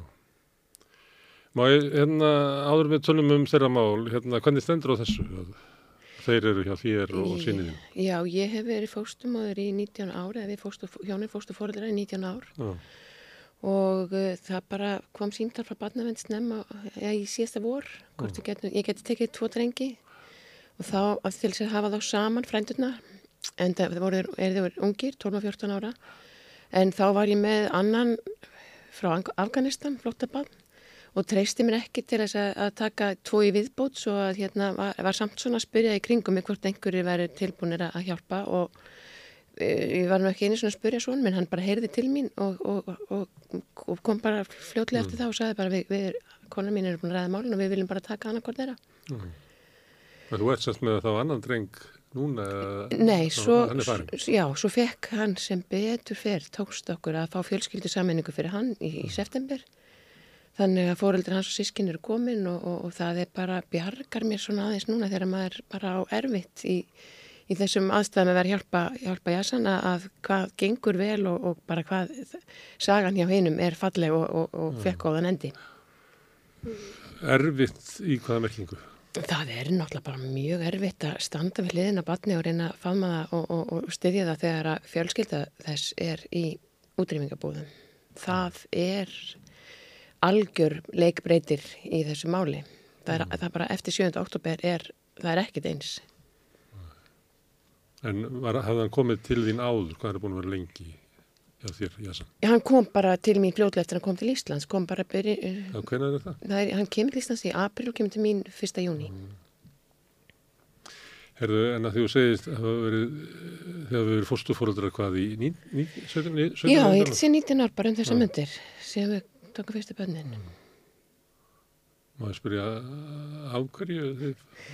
Það er nú bara eins og svo margt annað í mínu lífi. Þetta rataði bara í fangið á mér. Ég er nuttari, handlegsbrotnaði þennan vetur, illa. Það sá ekki fram á að vera að fara að gera mikið á næstunni og, og hérna einhvern veginn svona hugsaði ég geti eitthvað gert með að hjálpa til og, og, og talaði við barnavendi í Mósusbæ og byrjunin var að við fengum börn í skamtíma dvöl eða, eða hérna, e, stuðning og svo hefur þetta bara einhvern veginn já, undið upp á sig, jáft og þétt. Og bara fjöldi barna Já, þessum, frá þessum, frá upphafinu, já, ég gerir mér ekki Þú er ekki fyrir- Nei, ég geti verið talið það saman ef ég settist niður og gerði það. Ég myndi giska átti 30. og alls konar börn, Já, já, já, innfætt og innflutt og já, já, megninu til innfætt. ung og gömul. Já, já, já, já, öllum aldri. Nokkura mánuða til 17 og, og, og þegar þau koma og allt þar á milli og, og eru stutt og lengi og, og já, já, já, allur gangur á því. Þannig að heimili ykkar hefur verið svona, ekki, ekki kannski hjálpbrötastöð, en svona, Nei, það heitir þið? alltaf mikið trafík. það er- Stórt, Já, við eigum, eigum hjónin, eigum fjögur börn og þegar við byrjuðum þetta það voru, börnin ykkar hafa alveg upp uh, á þessu tíma já, já, Já. við, þau voru, eru fjögur og, voru öll heima þegar við byrjuðum og þá var þurfti bara að hlýðra til í herbergjum. En svo náttúrulega þegar þeim fækkaði, börnunum okkar fóru að flytja heiman, þá var þetta uh, þægilega fyrir okkur auðvitað. Já. Og það er bara, já, endalust þetta bæta við að maður hefur einhverstað sofa eða rúm. En það breytti ykkar lífi, þetta er ekki svona, Jú, þið lifið ekki svona venjulegu millist þetta lífi í Mórsberg. nei, nei, nei, það er alveg rétt. En ég kann mjög vel við þetta líf, því er bara mjög, já, já. En það hefur alveg komið þeir tíma, það er eftir mjög erfið að kapla að maður segir svona, já, já, þetta sé ekki orðið gott, nú fer ég að snúða með einhver öðru. Nú er þetta gangi í ennum mjög erfið að En, kamla. já, en það er ekkert sem er að fara með til þess að hætta núna eins og. Ég, en ég hef hugsað það, nú er þetta orðið gott, nú fer ég að snúða með öðru, en, en einhvern veginn þá bara kemur næsta verkefni og snerti mann í hjartað og, og maður, já, jú, slæði til, svo heldur þetta áfram. Það lítur að vera erfið, það kemur koma krakka til ykkar Já, í uh, ósátt sem hérna, sko við hefum enda verið svo lánsum að nánast allir, ef ekki reynlega bara allir, hafa komið í samvinnu foreldra og barnsins. Það er ekki verið að brottnemaðu af heimilinu og allt það sem er það- auðvitað oft þetta tilfellið. er kannski ekki rétt orð hjá mér, ég áttu við að svona ósátt við aðstæðu sem Í börnin hafa auðvitað, að lífið sitt væri öðruvísi. Já, Vildu já, kannski, ef þú myndu óska sér, þá vildu ekki vera þér. já, en þú ert kannski eins og akkurat. skjólið, sko, besta skjólið. Yes, allavega, já, ég skil hvað að meina, Mm. held ég skil hvað að meina með því að þau hafa, hefðu vilja vera á öðrum stað, en við erum líka, myndi ég segja bara svo heppin að það hefur tekið ótrúlega Mm. stuttan tíma yfirleitt að þau hérna bara jafni sig og, og maður finnur það að þeim fari að líða betur. Svo hverju það eitthvað út í lífið Já, og þú sérðu eitthvað. já, já, ímiskunar samskiptum við megnið að þau. Nýbúin að vera skýrnarveislu hjá einni stúlku sem var mjög snemma á tímabilin hjá okkur og, og var eignast batn og já, það er bara mjög gaman að sjá hvernig þeim flestum reyðir af. Þannig ef að ríkidæmi er tengsl okkar við annað fólk að þá þú vell auðu kona. Já, ég, já, ég myndi segja það. Herðu, en Jasan, hérna, getur þú sagt okkur frá honum og hans stöðu? Já, hann átti náttúrulega bara alveg ofsalega erfitt fyrst þegar hann kom. Hann, það, það, það, það getur maður ímynda sér sjálfur ef þú sendir 13 ára gammalt batnið þitt yfir hálfan heiminn til þess að, að ég bjarga honum til að byrja með og í þeirri von að hann geti síðar bjargað fjölskyldu sinni en þá var ekki einu sinni stríð þannig að þú getur ímynda sér hversu slæm staðan hefur verið og eiga þetta ferðalega baki þegar hann kemur hingað. Og svo auðvitað gerist það bara mjög snemma eftir hann er komin að það einhver staðar í, í kerfinu vakna grunnsendur um mannsal að því hann kemur þarna með frænda sem að, sérst, er ekki fadir hans. Já, þeir báðu drengirnir, þetta er frændið þeirra og ég skil það alveg að, að það þarf að passa bara vel upp á alla ánga. Þeir eru aðskildir og það var þeim mjög erfitt öllum að, sem sagt, því, því að Samir, hinn drengurinn sem er hjá sinni mínum, hann er alveg upp á sama heimili og frændin. Þetta býr stórfjölskylda sama vegna þess að, að þeirra fjölskylda er, er frá allt önnu stað sem að Ísraelsmenn eru núna búin að taka undir sig. Þannig að þau eru búin að vera í sjálfu sér flóttafólk á Gaza. Og þetta er þriða kynslu sem melst þar, þetta er drengirnir sem melst þarna upp sem flóttamenn. Þannig að þetta er bara eins og kommuna þau hafa bara stórfjölskyldan saman eina lilla íbúð. Þannig kerfið okkar tekur ekki mark á því uh, þessum tengslum. Nei. Þar sem hann er ekki blóðfórundri, þá eru þeir aðskildir. já og þessi grunur mannsal og ég, ég bara, ég virði það að það sé kannað. Því það er betra að það sé kannað of oft og að það sé hérna upprætt ef svo er. Og, og maður heyrir því miður að því að svoleiðis hlutur eiga sér stað. Þannig að þeir voru reyðir og svektir og sárir og, og mildu mikið hittan og, og við fengum bara þau skilabóð ef að frendin myndir innan álgast á ættu að ringja beint í einni tveir. Og hérna það er auðvitað, já, var svolítið tími sem fór í það bara að þeir treyst okkur og, og, og hérna, já, bara langur tími reynlega sem fór í það og með hvernig, já, margt sem að syngja okkur hvað það er búin að búa við slæmar aðstæður úti. Já, úti og leiðinni hinga Já, og kannski fyrstu viðtökur hér Já, og, og kvektir af því. Já, en svona um það þetta var svo heppilegt að um það byrja sem skólinn fer á stað, fótboltaæfingarnar í gang aftur eftir sumafrí þar, þá eru þau svona að, að, að ná svolítið með þann það bara beinu brautinni. Og, og svo kikkaði það enn betur inn. Minn alveg rosalega ánæður í skólanum og, og, og, og, og lík, líður vel og líkar vel og, og gladur með skólan og fótboltan þannig að þarna komu rútínan og, og, og, og sérst, að mæta í þessa tvo, tvo staði sem hann, hann líkar og líður vel á. Þannig að haustið var bara besti tíminn frá miðjum águst þegar skólinn byrjar og þangað til 7. oktober síðan hefur bara verið ástand á heimilinur algjört það er Þá bara er það bara örvænting eh, hans og þeirra, þeirra er að fylgjast með ástandinu þar og vita ekki um sitt fólk. Já. Og þegar heimilið þeirra, þegar hverfi þeirra var, eh, þetta er auðvitað mislæmt eftir því, ef þeir eru í stöðugu sambandi við fólki sitt, það er allt annað. Stundum hefur verið nettsamband bara í, í bara meir en viku í einu. Mm. Daglegu sambandi, ofta á dag að fá skilabóð, svona, svona proof of life getur maður sagt. Og það eru betri tímar en þegar þeir heyrist ekki til langa tíma og þegar var árásin gerð þeir, borga, þeirra borgar hluta fyrst og svo hverfið þeirra, það var ræðilegt. Og svo ef við tvígang á flottamannabúðuna þar sem þau hafa verið í tjöldum ringt yfir sprengjum, það er líka Það var grindingingu sem sagði í vikunni að fylgjast með ástandinu þar var eins og að vera fastur inn í einhverju stórslisamynd. Við getum rétt ímynd okkur hvernig, hvað drengin er gangi. já, Þegar þeir eru fastur inn í sko einhverju hryllingsmynd. hrylling, já. Ég tel mig ekki einu sinni þótt maður segi það ég- að maður skilur, skilur það á örvendinguna, þá, þá held ég ég geti samt ekki sagt. Þetta, þetta er of langt frá mér til þess. Þetta er hræðilegt en samt bara get ég ímyndað mér að þetta sé margfalt hræðilegra fyrir þá. Þú ert að horfa þá í svona hvað sálar angist Já, já, sem hættir ekkit. sem hættir ekki. Hlæðslu, Nei, verður bara að að vera. já,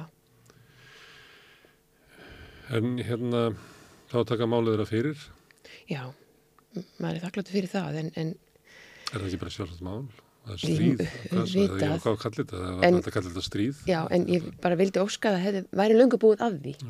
Því að maður er sjálfur að reyna að gera allt sem maður getur til að bjarga, maður lítur á það að bjarga mannslífum með því að reyna að hjálpa fólkinu þeirra að koma sér út af þessum, bara út um þessum útrýmingabúðum. En við getum ekkert gert, maður, þetta er ótrúlega erfitt að fara á fætur á hverjum degi og vita það að maður getur ekkert gert. Væri þeir komni með vernd, þá gætu við verið að vinna í því að, að, að óskipti fjölskyldisammenningu. Þá væri við þó allavega að reyna að gera eitthvað á hverjum degi, en það er því miður það hafi ekki hægt. ekki verið að berjast fyrir því að halda þeim á landinu. Við erum auðvitað búið að vera því núna, jú, jú, jú, jú, jú vissulega, en, en maður vil samt einhvern veginn ekki trúa því hvað þetta þarf að taka langan tíma þegar að mannslíf eru í húfi. Þetta er svo allt öðruvísi heldur en fyrirstríð. Þá hefði maður ekkert getað sagt, þá var maður bara eins og, eins og hver annar umsækjandi að býða og ekkert að því. Þeir eru, þau eru bara í stöður í lífsættu fólki þeirra, það, það er bara mjög erfitt að fylgjast með því. Þegar þú komst hingað, þá varstu númer eitthvað í rauðinni að tala við útlendingastofnun. Já, já. Hvernig eru samskipti við það stofnun? Er þetta köld stofnun? Nei, við getum ekkert sísla með málinn þeirra vegna þess að ég er ekki með umboð fyrir þá. Það er lögmaður og það er barna, hann þarf að fara yfir til barnavendar með upplýsingar og barnavend til okkar þannig að það er náttúrulega líka keðja sem að ekkit endilega virkar og við vitum alltaf sent og lítið stöðuna og skiljanlega þegar þetta þarf að fara í gegnum fleiri aðila. En ég var að að hjálpa frænda þeirra í morgun og hérna ætla að halda áfram bara við það.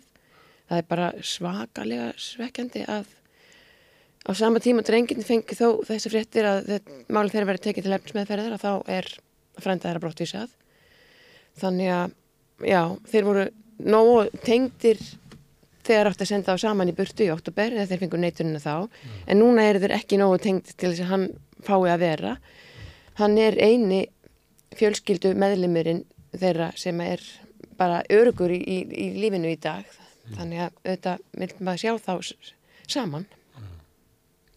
En hann, er- hann, honum verður vísað að óbreyttu úr landi innan 30 daga eða eftir 30 já, daga. innan, já, 29 dagar í dag það voru 30 dagar í gær ég vona bara innilega að það verði aftur hægt að, hægt að fresta því sko það munar bara um hvern dag sem hann er á örugum stað heima hjá okkur heldur en að vita á hann í Greiklandi Þið finnst fráleitt að vera að, að vísa mönnum, palestinumönnum. Það er óskiljanlegt. Það hefur einn aðili frá Palestínu komið hinga síðan stríðið hófst. Það er ekki að rigna yfir okkur þessu fólki og við að kikna undan því að taka mótið því. Þetta er myndi ég halda einhverju tugir sem eru hérna nú þegar, hafa verið komnir fyrir stríð og að vísa þeim í burtu. Ég, ég held ég bara, bara akkurat núna veit ekki um neitt ómanneskulegra. Af því að ég mér líður þannig að það er bara reynd og reynd og reynd og reynd að finna leiðir til að losna við Árlandi en það eru leiðir til þess að leifa þeim að vera. Já. Vegna sérstakra aðstæðana er til dæmis hægt að heimila e, samþygt þótt svo þeir séu kemur kennitölu að næstaðar og ég segi bara ef það er ekki sérstakar aðstæður í lífi þessar fólks þá bara hvenar? Hvað eru þá sérstakar aðstæður? Það er bara óviðfengilegt. Já, það er það. Það er ekki til. Og bara öll heimsbyðin veita. Sko. öll heimsbyggðin veit það. 8 miljardar, 8,5 miljardur sem að veita. Já, og að, að heyra af fólki sem að er hérna búin að vera í einhverja mánuðu síðan snemma á síðast ári og býður eftir svörum um, um, um, um vernd hérna og er á meðan það beið búið að missa öll börni sín og, og maka, þetta er bara, þetta er, þetta er óskiljanlegt að þetta teljist ekki sérstakar aðstæður, já, og, og þetta fólki sé bara skilirðislaust veitt vernd og farið að hjálpa þeim að um, með fjölskyldisammenningar. Ég spurði um svona samskiptin við eh, kærðið útlendingastofnuna því að stundum hefur maður á tilfinningunni að, að við getum verið gott samfélag og það er svona reynsla margra Mhm. til dæmis eða því við erum að tala um nefndi grindvíkingin á þann þeir tala svolítið um það að, að komið um á óvart hversu sko vel allur almenningur tekur þeim og hvað allir eru hjálpfúsir Mhm. en svo þú ferð svona ofar í svona í skipulaga samfélag okkar Mhm. að því sárari verða vonbreiðin og, og svo þegar menn eru komin inn í stopnanin og þá eru menn byrjar að hitta svona kvölda og ráðaleysi og eitthvað svo leiðis. Því að þú ert að, að hérna, hjálpa drengjónum mm og svo erum við líka stopnanir sem ætti að vera að gera það. Já, já. já. ætti að vera að gera það. Þú ætti að vera að vinna fyrir þá. já, mín tilfinning er að það er akkurat öfugt. Hún Já. er að bara, ég veit ekki hvernig ég sé, allt kerfið vinnur af því að losa sig við sem allra flesta. Þa, það er algjörlega mín upplifun. Já. Því miður. Það er bara, það er óskiljanlegt. Og það eru fleiri stopnarnir svona, maður myndi halda til þess að tryggingastofnun væri að vinna fyrir öryrkja og eftirlunna fólk. Mm En öryrkja og eftirlunna fólk upplifir að þessu alltaf reyna Já, að já. sko, taka þeim alla peningar. Já, já, já, akkurat. Ég þekki það náttúrulega ekki en ég, já, ég Það skil hvað ein- átt við, já. já Það- Þetta er svolítið sérstætt í samfélaginu já. okkar sem Já. að, að, að við viljum náttúrulega að, að stofnarnir samfélagsins endur speikli hjartalag fólksins, Já, eða ekki? jú, jú, og, og, og þjónustustíðið sé það samkvæmt því, já, auðvitað. En það er náttúrulega hvergi líklega kaldara heldur en í, í þessu málaflokki. Allavega er bara, já, algjörlega upplifun er að það er bara, eins og þessi verið að leita leiða til að losna við alla, það sé bara Já. markmiðið. En þetta er bara, það, það, í þessu ástandi, það, þá er það alveg óskiljanlegt, algjörlega óskiljanlegt. Þetta er fólk sem býr við þessar, þetta stríð þarna sem er náttúrulega bara útrýmingabúður, ég heldur sem öll búin að sjá það líka og að þarna, það vegi ekki neitt í því að, að Sjá- akkurat reyna að, að hjálpa þeim. Við sjáum þetta líka bara í könnunum um afstöðu almenning sem að stendur með palestinumönnum. Það kom bara í ljós þarna fljótlega í oktober. Er svona afstæða stjórnvalda sem að virtist alltaf verða svona harkalegi upphafi og Já, neita að, hérna, að krefjast vopnahlés og annars líkt að svo akkurat. komu kannanir sem síndu það bara að megin þóra almennings var með allt annari sko. Já, akkurat. Þannig að þetta er Það, við finnum það mjög mikið stuðning almennings sem er okkur ofsalega mikilvægt. Það hjálpar, það, bara, það gerir það, það er svona pínu vítamin Þannig að þú mútið segja að Jasan væri velkomin til Íslands. Já, heldur betur. Já. Heldur betur. En svona, síðan eru hávar rætti sem að segir bara vegum ekki að hjálpa þessu fólki. Já, já. Það var nú einhver bara um daginn að segja að loka landinu já, út á Grindavík. Þannig það er til náttúrulega í samfélaginu hópar já, já, hávarir. Já, maður verður líka var við það. Já, ég veit ekki hvað þetta er stór, stór hópar, kannski 10%. Mm. Já, það er akkurat mitt, mín upplifin svona, með mitt, með að við svona almenningi kringum mig, þá myndi ég með gruna það. Og þetta er eitthvað sem við þurfum að eiga við, að þessar rættir eru í samfélaginu, hvernig við ætlum að bregða þessu. Því að strákarnir verða varfið þetta. Það lítur bara að vera, já, já. já, já. Þetta er bara verða varfið að því þeir fara í strætó, í högnartinletti og hvað sem þau koma. Það er kallað svona mikroáreiti. Já, já. Það sem þeim eru myndir á það að þeir séu ekki við. Já, já, já, já. Þetta er bara okkar hinn að uppræta. Það er náttúrulega bara ekkit annað. Og margt stort verkefni frá þetta. Já. Er það en þú ert bjartsinum að þeir eh, frendur verði hérna? Ég bjartsinum þá, já, en ég er bara með miklar áhugjur að frenda þeirra og vona já. innilega að, hérna, að það fari vel þeirra allra vegna. Já. Hvernig hefur hann það? Hann á mjög erfitt. Hann á mjög erfitt. Hann er, hann á náttúrulega tvö lítið börn og konu á gassa og nú er sjötti dagurinn í dag þar sem þeir hafa ekki teirt í fólkinu sínu. Og hann satt bara í gerð með tárun í augunum og skoða myndir að dætru sínum. Ekkert sem hann getur gert og svo býður hann og vonar hvort hann fá að vera hérna eða hann, það býður hans ekkert í Greiklandi nema gatan. Bróðir hans, bróðir sagt, eld, stóra frend hans hann var handtekinn í milli jól og nýjar svo fluttu til Greiklands vegna þess að hann var hér og búin að fá neitun þannig að það sem hann var vansitt í saka er að vera statur hérna mm. og ólöglega þar sem hann átt að vera í Greiklandi mm og hann er bara á göttunni í Greiklandi og eina sem hann hefur er peningar frá okkur fyrir mat búin að ganga til síðan, hann lendi 2009 hann byrjaði 30. að leta sér að vinnu hann er harduglegur, var í tveimur vinnum hérna á Íslandi og það býður vinna hérna eftir honum mm. En hann fikk endur komið banna því hann fór ekki sjálfurljúur þannig að hérna hann er bara, hann býður bara hann gengur á milli staða þarna að leita að vinnu ekkert að hafa og við erum búin að leita, leita til þess að hjálpa honum með að útvæða sér vinnu ekki tekist eða þá, það er ekkert annað að gera en að reyna að halda því áfram. Þó hún er staðið til vinna, vinna til bóða hér á Íslandi, mm. þá má hún ekki koma til Íslands. Nei, ekki vegna þess að endur Íslands. Og ekki bara í mörg ár. Tvö ár. Mm. Því miður. Mm. En, en hérna, við erum bara hjálpunum að þrauka þessi tvö ár úti mm. með því að halda hann uppi og, og ég bara, við reynum að heimsækja hann til þess að stýtta honu stundirna þar líka, stýtta honu byðina. Mm. Þetta er náttúrulega menn sem er að gangi gegnum sko áföll, mikið verið rætt um áföll í íslensku samfélagi og áfallastreitu og, og þessur menn eru náttúrulega að það væri eitthvað mæli, mælir til þess að mæla álag og áföll að þá bara er þetta bara ding ding ding ding ding, hangi bara upp í meir en, meir en mannskeppnunni er ætlað já, já, já, algjörlega, maður er algjörlega búin að vera. Skamman tíma þeir eru bara viðvarandi Við, í þessu ástandi. Og það er akkurat hluti líka af því hvað manni finnst vond hvað þetta dregst allt saman. Já. Af því að það hlýtur að segja sér sjálft að með því að stitta tíman í, í verandi í þessari áfallastreitu mm. þá sé já, auð unnar þessi út úr því heldur en að halda öllum í þessari streitu ástandi svona lengi. Mm. Við ættum að bregðast við þeim í, í ljósi þess í hvað ástandi þeir eru. Akkurát. Það, það er ekki áðáleggjandi, Nei. nein óvisa Nei. umfram það sem þeir... Og, og, og, og verða búin að svifta þá voninni líka, þetta er bara, þetta er alveg galið. Já, þetta er förðuleg viðbröð. Já. Hmm. Já. Og ástað, það er eins og kerfið lítið svo á að þessi menn, þessi flotta menn, beri ábyrða ástandi sína. Já, einmitt. Sem að er... Já. Það var þeim alveg ómögulegt að komast hingað uh, í, í gegnum Gríkland öðruvísi en að þurfa að fá kennitöluðar. Mm. Það, það, það, það var ekki það sem þeir vildu. Mm.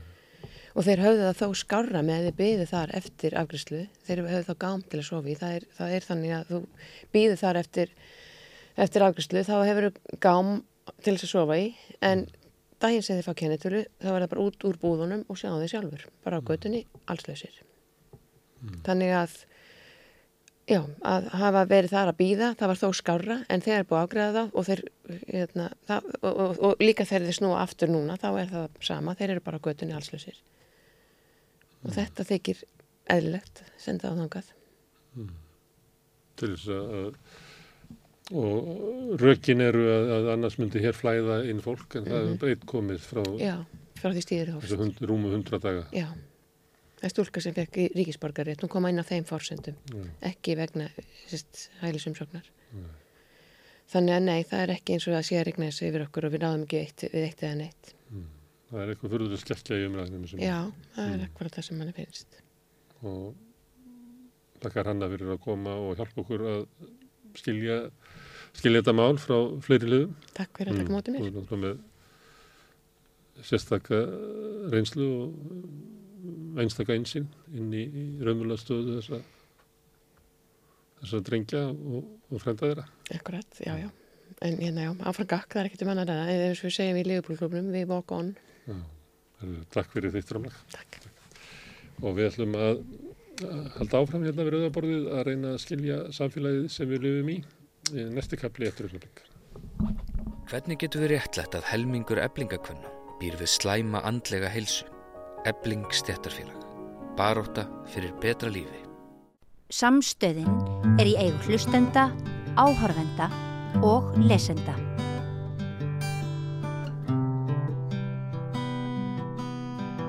Já, við ætlum að fjalla um Grindavík og til að gera það að þá höfum við fengið hingað þingmenn Suðukjöldamis úr Ímsu flokkum. Það er Otni Harðardóttir úr Samfélgíkunni, Jóhann Friðrik Friðriksson, framsónamaður, Birgir Þorvinsson, sjálfstæðsmaður og Guðbrandur Einarsson og Viðrist.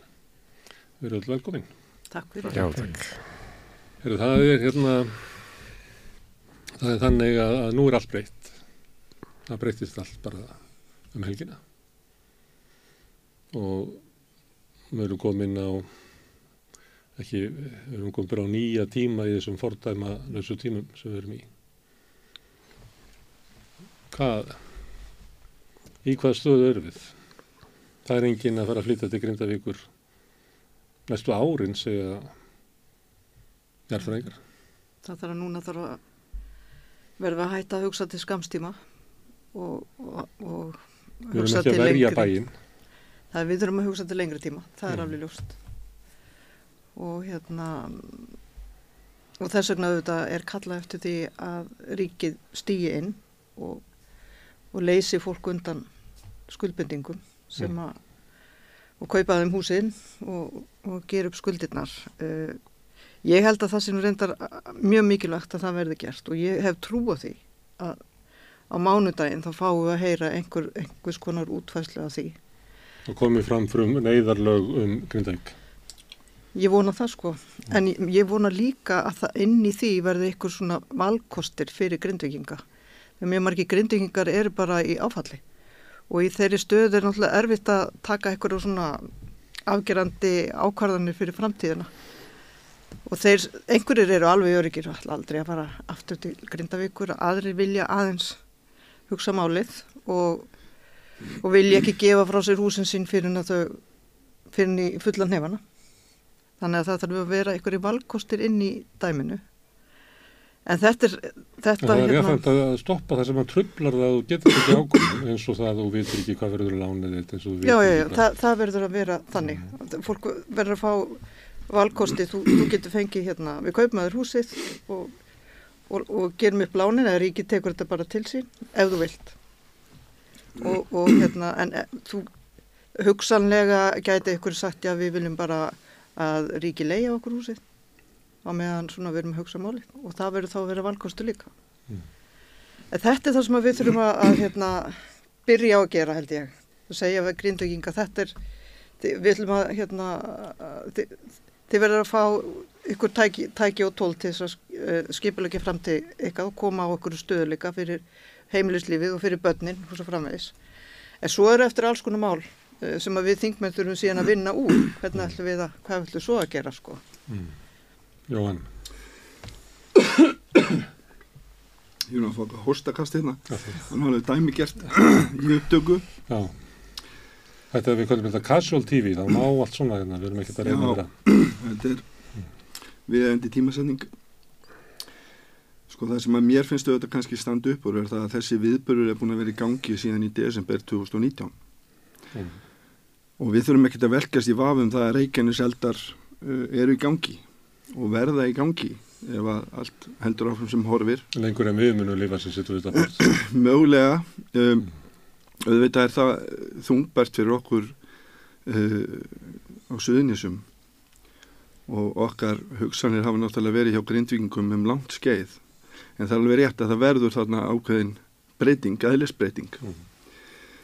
uh, á sunnudaginn og mann finnst svona eins og að sé sko margar vikur síðan að það var en, en það er nú samt bara nokkru dagar síðan mm.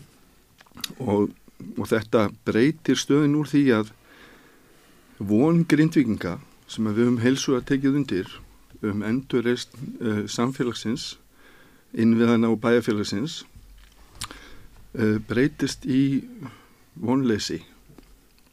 Og það þarf að bregðast við því á uh, marganhátt og ég held að fyrst að séu þetta tryggja húsnæði skjól til lengri tíma framfæslu skjól til lengri tíma og síðan greiðslu skjól til lengri tíma. Og ég er tek undir uh, með otni og, og hef sagt að held séu mjög mikilvægt að horfa til þess og greina það hvaða leiðir séu til þess að, að, að eh, mögulega þá uh, losa fólk undan þeirri byrði sem að húsnaði er í Grindavík og hvaða áhrif myndi það hafa og hvers konar útfastla væri á því uh, vegna þess eins og hefur verið pent á þá þarf svona að liggja fyrir hálfgert hlaðborð vegna þess að fólki er í mismöðandi stöðu og það þarf öryggi nummer 1, 2 og 3 maður sér síðan bara um, eins og bæjarfélagi sem að hefur náttúrulega staðið sem eindamum vel mm. sérstaklega frá 10. november þegar þurfti að rýma bæin halda úti svona já, þjónustu svo langt sem það nær þó að grindvíkingar séu dreifður um landið en nú er bara svo staða uppi að það þarf að aðstóða sveitafélagi sjálft starfsfólkið uh, fjáraspartinn og þjónustupartinn og uh, við þurfum að Það er eiginlega ákveða sko hvort að, að bæjarfélagi Grindavík eigi að geta lifað þó svo að Grindavík sé ekki til. Já, þetta eru... Það, ég veit að með engi, ekki til að benda á sem er í líkingu við það og hérna á hugmynd sko.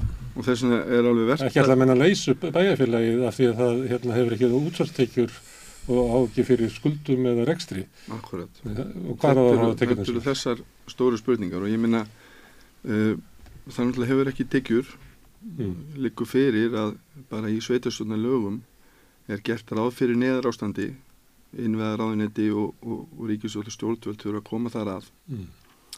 En þetta eru gríðarlega stóra spurningar og svo sviðsmynd hefur auðvitað blasa við að mögulega þyrti að rýma Grindavík og það gæti raun runnið þar yfir bæinn. Mm.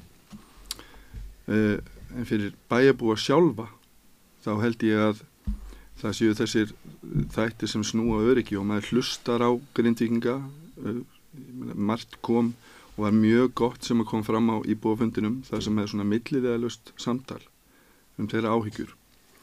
Og ég held að það sé nummer 1, 2 og 3 að koma móts við það uh, fljótt og öruglega og við sem þingmenn auðvitað uh, lög sem að snúa sérstaklega að Grindavík og þeirri stöðu sem er þar eru auðvitað í eðli sínu neyðar lög og ég fundi fyrir uh, svona miklum samhljómi bæði í, eftir uh, 10. november um þau úræði sem er búið að setja á laginnar og, og síðan bara gagvart því að aðstóða grindvikinga eins og við mögulega getum og ég held að allir þingmenn uh, á þingi uh, munu vera samstíga þar um að passa auðvitað þau úræði nýtist sem best og séu best úr gæri gerð.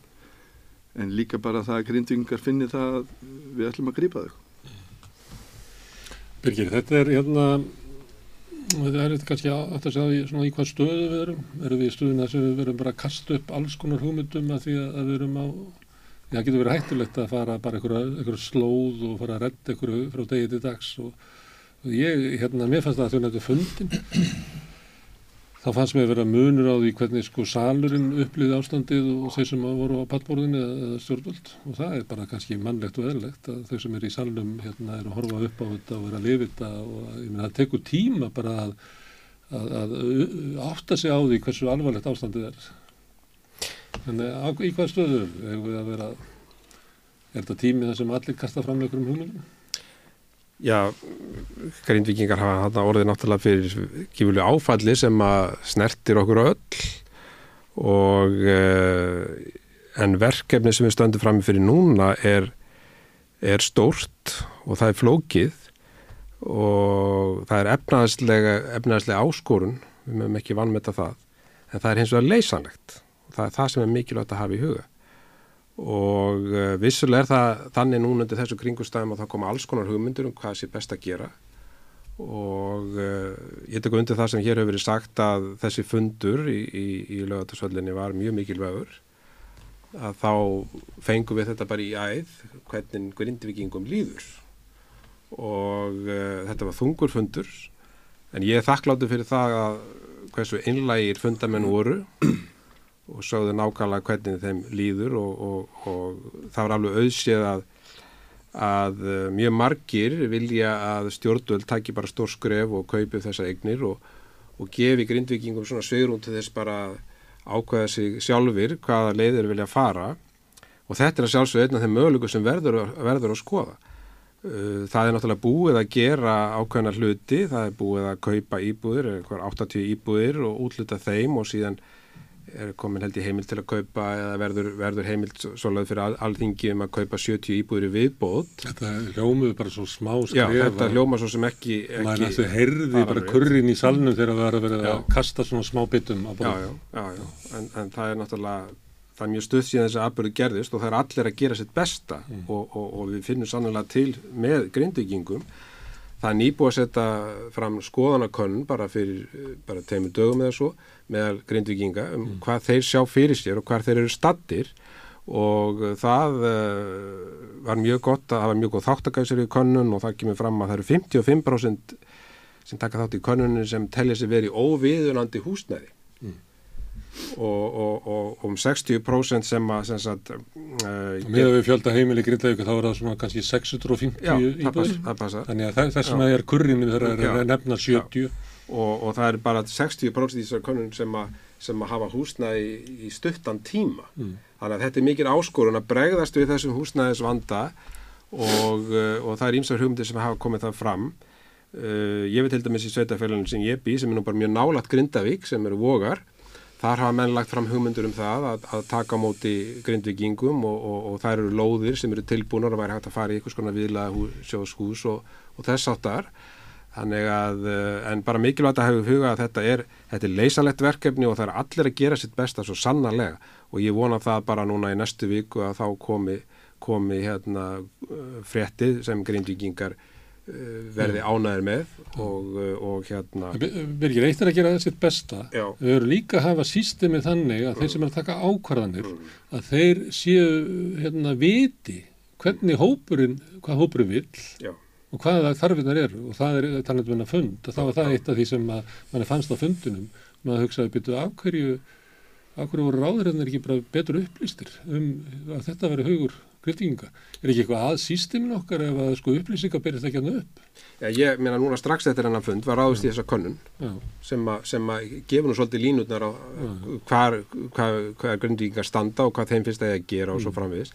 Þannig að það var bröðist hratt við þar og við vinnum eftir því uh, undir þessum kringustæðum þá skilma, skilum maður mjög vel reyði fólks og, og áhyggjur og, og ég menna við erum að horfa hér fram á það að, að, að hérna, fólk þarf aðlæða sér nýju sveitafjölögum og, og hérna, börnin að fara í nýja skóla og allt þetta. Þetta eru allt áskoranir sem eru yfirstíganlegar og ég trúi því strax bara í næstu viku þá, þá fái grindvikingarsvör sem að, mm. sem að er hérna verða ánæði með. Mm. Guðbrandur, mér fannst hérna eitt af því sem að ég er alltaf að mæla með að fólk horfi á hana fund hérna, að því ég held að þetta sé ótrúlega stúdíja bara um samfélagið okkar og bara stórmækkilega viðbörður þessi fundur. Að hún verið lengi, minnst í allri sögu stjórnmál á Íslandi, ég held að. Eitt af því sem maður átt að segja á því að, þú ert að tala um að, að hérna, kritikasur reyðir og svona, þessi ójöfæði, þessi mikið sem að, ég heyrði ekki betur en allir sem að töluðu, allir kritikasur töluðu, töluðu bara skýrt, voru með góða greiningu, voru skynsum, þannig það er ekki þannig að þótt að fólks í erfilegum aðstæðum að það sé einhvern veginn búin að tapa tóngritinni. Ég sá það ekki á þessum hópi sem að tala þannig mér finnst þetta bara aðdánavert ég er bara trú á mannkinnið við að hlusta mm. á þetta fólk, bera fram sitt mál þannig að þá var ég velta að vera mér eh, má, er, minna, má ekki fórustan í aðgerðunum vera einhvern veginn innan úr þessu samfélagi Jó, vissulega sko, vissulega bara þurfa grindvikingar að láta okkur hinn vita hvað þeir vilja Já. skiptir máli við sem ekki geta að gera þetta okkar fórsöndum heldur á þerra fórsöndum mm. skiptir miklu máli en stað, sko, þessi sem töluð á þetta fundinu, þetta eru vissulega sterkir einstaklingar, mm. en það eru bara ekki allir svona sterkir sem að búa á þessum stöðum við erum auðvitað bara misjöfn þannig að... Þau tóku svolítið að sér að tala fyrir hönd annan já, já, það er eiginlega engin að tala fyrir sína hönd annan Viss, Vissulega geraðu það og segja hug grindvikinga eins og hann líka fyrir á þessum tímapunkti og, og við, ég bara var mjög stoltur yfir þessu, þessu, þessu þessar orðræði sem átti sér staðna Uh, maður þekkir nokkarlega þessa krakkar sem að tölu þarna og mm. við stóðum sem bara með ólíkindu vel. Mm. en sko mér langar kannski bara fara aftur til sunnundagsins bara sko maður upplýði einhvern veginn að sunnundagurinn var svona dagurinn sem að vonin sloknaði mm. sko uh, hafandi sko hort á já, hundrað heimili uh, eða kvekna ljós á hundrað heimilum og fólk var farið að búa þarna aftur fyrirtæki voru farin í gang, veitingarstaðinni voru farin í gang og það var að koma líf í samfélagið aftur. Svo bara allt í einu er þetta búið. Mm. Og þá tekur bara við einhver nýr veruleiki sem að, já, nána, eða enginn hafi, sko, ég held að enginn hafi regnað með þetta geta voruð svona. Og það að, að það fari gjósaftur en líka bara að bærin, sko, sko hann er eins og, sko, gödóttur ostur bærin og eftir. Mm. Það er bara þannig og og það er engum hægt að vera þarna þannig að og þá er það þessi veruleiki sem við erum að fara að takast á við núna hvernig ætlum við að taka auðvitað um þetta samfélag, þetta stóra samfélag e, bæði til skemmri tíma en líka til lengri tíma? Og við verum að hugsa á, á, um, bá, báða þessa þætti. Það gengur ekki bara fyrir okkur að segja já við ætlum að byggja vilaðsjúr sem verður tilbúin til tvö ár. Hvað gerist á þessum tveimur árum? Mm. við vitum að andlegt álag fólks er sko verulegt. Uh, fólk er að glíma, sko bara við þetta áfalla tapa kannski öllu því sem að hefur búið til á lífsleginni tapa þessu, þessu samfélagi sem að er okkur öllum svo dýrmætt þessu nærf samfélagi taka, tapa þessari félagslegu aðstöðu sem til staðar var þessu íþróttarsamfélagi sem Grindavík var og er í raun og veru mm. þannig að það er svo mikið undir En, en, en þá er bara spurningin, hvernig hlúum við að fólki sem að lendir í áfalli? Hvernig að fólki sem lendir í sorg? Og við þurfum einhvern veginn að bara vinna þannig. Þetta er, þetta er bara sorgaferli sem er framöndan í á fólkinu sem hefur þetta búið og við þurfum einhvern veginn að ná utan að þetta. Mm. Og ég, e, þráttur að við séum að tala um svona litla bita, þá verða þessi bitar að verða veruleika við verðum að segja grindvikingum sem er með lánhjálf lífeyrisjóðum við ætlum að sjá um þetta mm. við ætlum að bjarga okkur með þetta við ætlum að fjölga íbúðum. Þó að það sé sko 70-80 eitthvað þá er þetta smátt og smátt að gerast og um leið verðum við að hugsa til lengri tíma. Þannig að allt þetta verður að spila saman og við í kringu þau nær, við erum öll söðunissi fólk mm. sem að sitja hérna við borðið.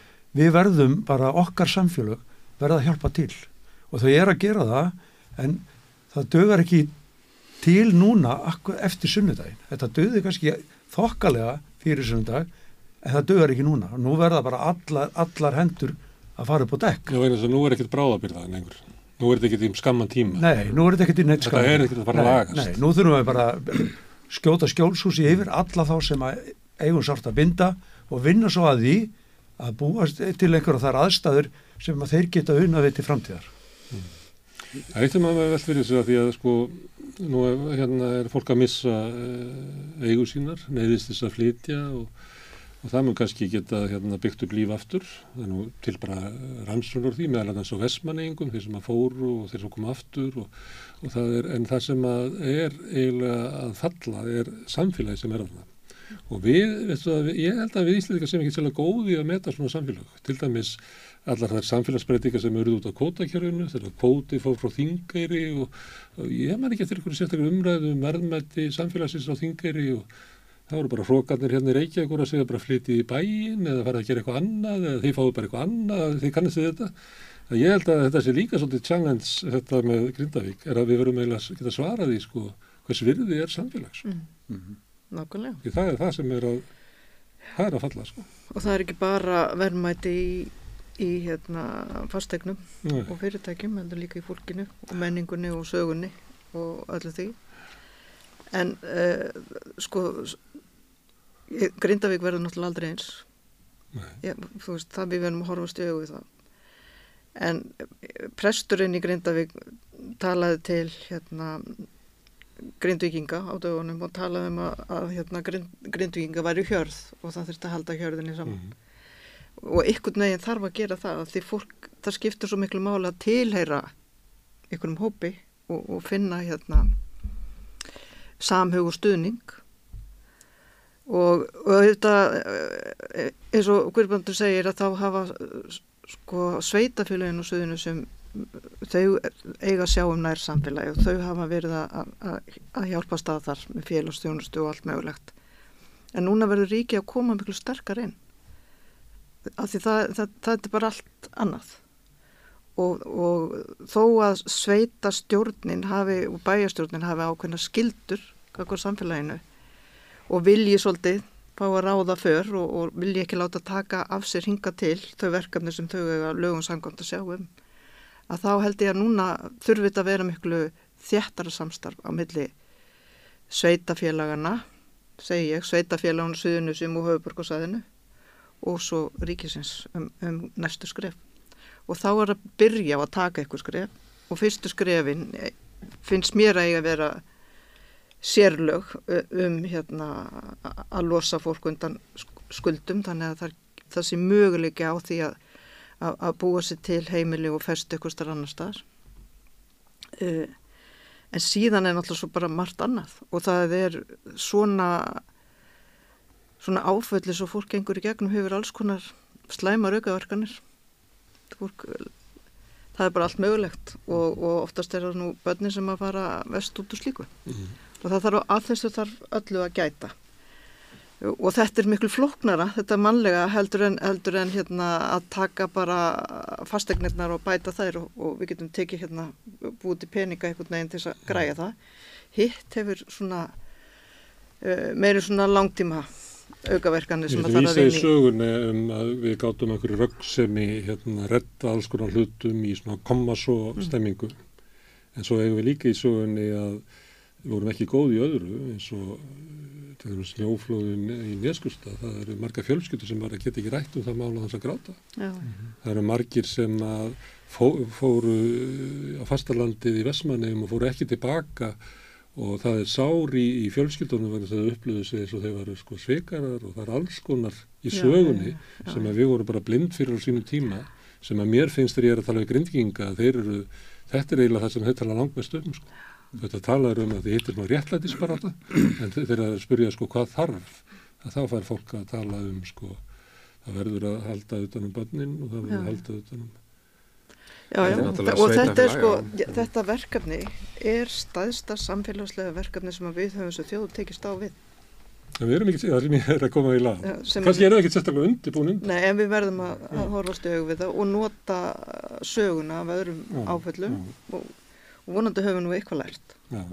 En eins og þið nefni hér þetta byrjaði fyrir áramötu þess að ég var nefni hérna fyrir áramötu 2019 það er fjögur ár síðan og einhvern veginn erum við ekki undibúin fyrir svörtustu svismyndir sko.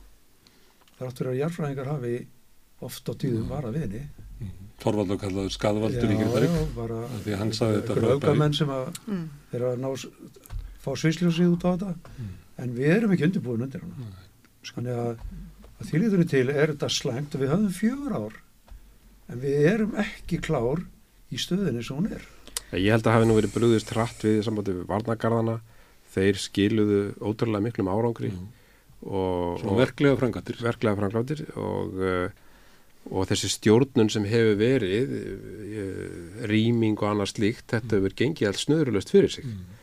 Uh, þannig að Ég spurt kynningina, er það eitthvað tilfinninga þegar þið flúðu bæin, að þegar þið kerðu fram í að bláa lóninu, að þá takk ég ekkit við það er svolítið tilfinning þeirra mm. þá vantaði kerfin sko Við vorum með varnagarðana og við vorum með stjórnstöðar og viðbræðsaðila en það var ekki til þess að taka á móti 3800 manns á flóta. Nei, en það, það eru sveitafélug fyrir ekki sem hafa bara nær sveitafélug en hafa verið að taka á móti grindvikingum og, og, og, og ég veit til þess að fólki hefur bara fundið sem að það veri mjög velkomið og veri vel, vel hérna, staðið að því. Fjölskyldi fólk sem hefur flutt í nákvæmnarsveitafjörun eins og til dæmis vogana og hún að setja börnin sín í skóla og annað slíkt. Þannig að það hefur, það hefur gengið vel en maður skilur náttúrulega vel þessar tilfinningar.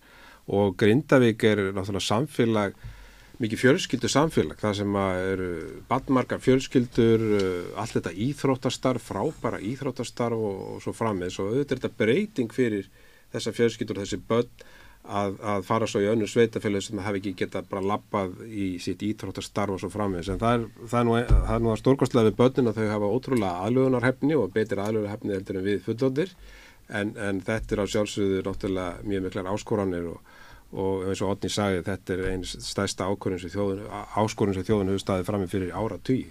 Ég held að það sé mjög mikilvægt átt að sjá því sko að, að allt frá því að sko við fengum svona einhver bóðum hvað gæti verið að fara að gerast á Reykjanesi. Mm. eru þetta búið að liggja yfir allskins sviðsmyndum.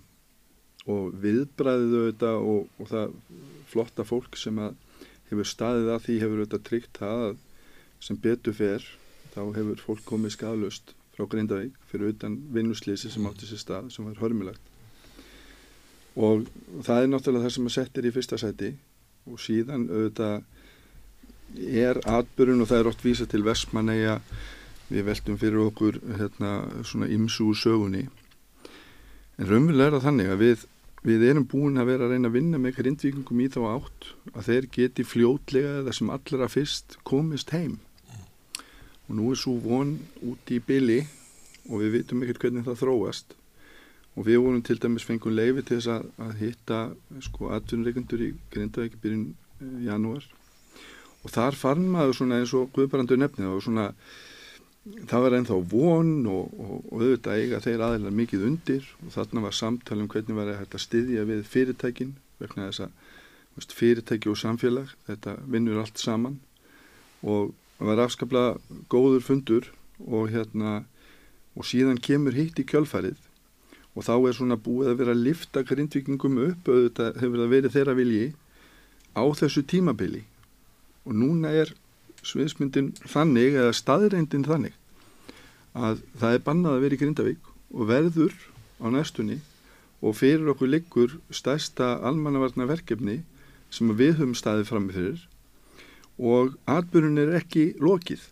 Og það er þetta varandi sko að ljúka einhverju sem er oft, vegna þess að það er oft nefnt vestmanægir, þar byrjar að gjósa og svo er einhver góslokk og þá er þetta að fara að vinna með það við erum aftur á móti í, í, í þeirri stöðu að uh, atbyrðurinn er í gangi við 1% þjóðarinnar.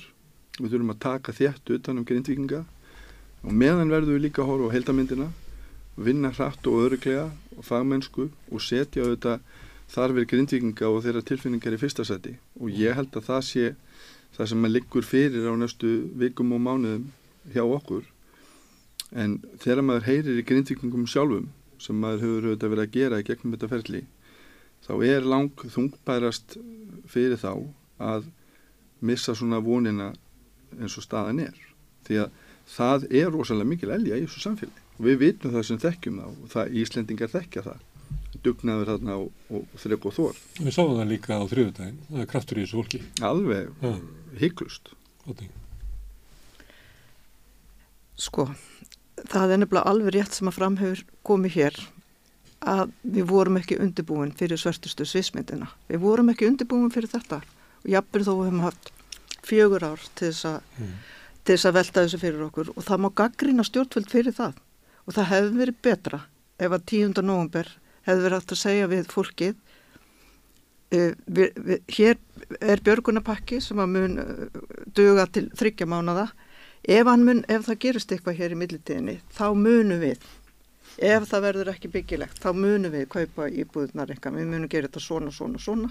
Þannig þið þurfum ekki að hafa velta því fyrir ykkur þið getið þá bara að fara að vinna, hugsa þetta. Ef að þetta gerist hvað ætla ég þá hvað vil ég þá uh, hvaða leið vil ég fara ef það er ykkur, ykkur valkostu það hefði verið miklu betra heldur en þetta, þetta viðbrað sem við, við erum, erum bara bregðast við. Það er eins og það hafi ekki neitt plan verið til því miður. Þó að hérna við séum með gott fólk og, og, og það er hérna, vil leggja mikið á sig og þá var bara ekki búið að teikna upp ferlana sem átt, átt að fara í gang ef að þetta myndi gerast. Og við þurfum bara að glima við það. Það þýr ekki að, að hérna, ég, þetta er svona svip, þetta er svona vu sko eins og í COVID. Það var, það var alltaf verið að bregðast við mm. og tímin á mill ekki notaði til þess að teikna upp á ferla sem ætti að fara í gang ef þetta eða hitt gerðist Þann, í þannig stöðu erum við núna. Ég talaði við Þorvald hérna, Þorvaldsson og hann var að, var að bera saman svolítið Japan, það sem eru aðgerðir hvert jarðskjaldum og, og flóðbylgjum og, og það eru rauvar í fjöllunum til þess að beina öskufallin á tildekinn stað og hann var að lýsa þessu svona og hann sagði eitthvað í þá veruna sko að Japan eru mjög góður í fyrirríkjunni við erum rosalega góð í viðbræðinu mm. en við erum afleitt í fyriríkinni sko. við erum, og við heldum að við erum fyriríkjuleysið víðar heldur í þessu þetta er bara ekki okkar sterkar því þannig ég er að velta fyrir mig hvort að mætti nota þetta í því að við myndum aðeins æfa okkur í fyriríkinni mm. ja, Við hefum náttúrulega hlustað okkar færustu vísendamenn sem er alveg heimsmæli hverða í þess að því að Otni talar um að, að við hefum ekkit verið neitt viðbúin við náttúrulega tökum marka á sérfræðingunum og og uh, þetta var eitthvað sem að menn áttu nú ekki vona á að myndi gerast, þetta myndi fara svona nálagt Grindavík.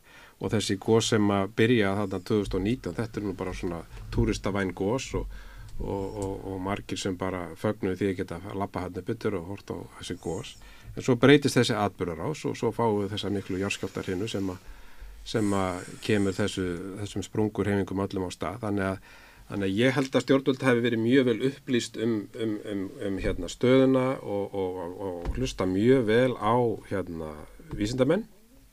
En svo kemur þessi, þessi þetta góðs þarna held ég að hafi komið nokkuð á óvart á þessi staðsetning. Og þá er brúðið strax við með þessum varnagörðum sem sönnuð svo sannlega gildi sitt.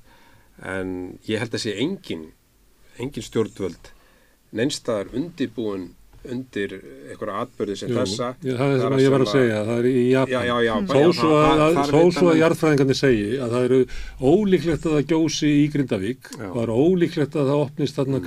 tveir kvíkugangar mm. að þá getur það gerst. Mm. og þá þarf það að búa til eitthvað planum að bregðast við því ef að það gerist. Og ekki að segja, af því að þú segir að það sé bara 0,5% líkur að þá ætlum ekki að vera að pæla sérstaklega því ekki að eða orkur minni það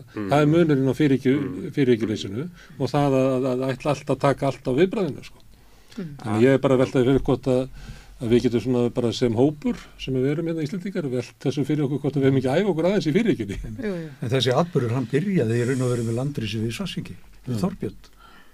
Við, við vorum upplýstir um það sem bæjafutur ára þenn tíma að mm. þetta var að eiga sér stað. En svo sem betur fyrir fjaraði það út og kom svo, kom svo upp undir eh, farðarsalli. En við vorum með vittneskuna á þessum tíma mm. og, og, og allir í raun og veru að það væri farið að rýsa land við Þorbjörn. Þannig að þetta er búið að liggja fyrir í, í nokkur ár að svona laga gæti gerst með einhverjum hætti. Hver, í hvert að myndi leita vissi svo sem engin en, en eins og ég segi sviðsmyndunar þær hefðu geta og, og eru margar hefðum, það hefði verið betra að tekna þar upp. Mm. en, en sko mér langar ekkert endilega að vera eða tími að gaggrína stjórnvöld. Ég vonandi einhvern daginn verið hluta stjórnvaldi hér En, en, en, ég er að gæta mig með því að tala um okkur sem hóp já, og eins og við berum samíla ábyrð við, við, við berum auðvitað bara samíla ábyrð sem samfélag á þessum atbyrði og, og utanum haldið um þá sem að fyrir því hafa vorðið mér langar að þess að nefna sko, sko það er verið að uh, bæta fólki með framfærslu styrkjum með búsettu styrkjum uh, það eru fyrirhugaðar ekstra styrkir til fyrirtækja.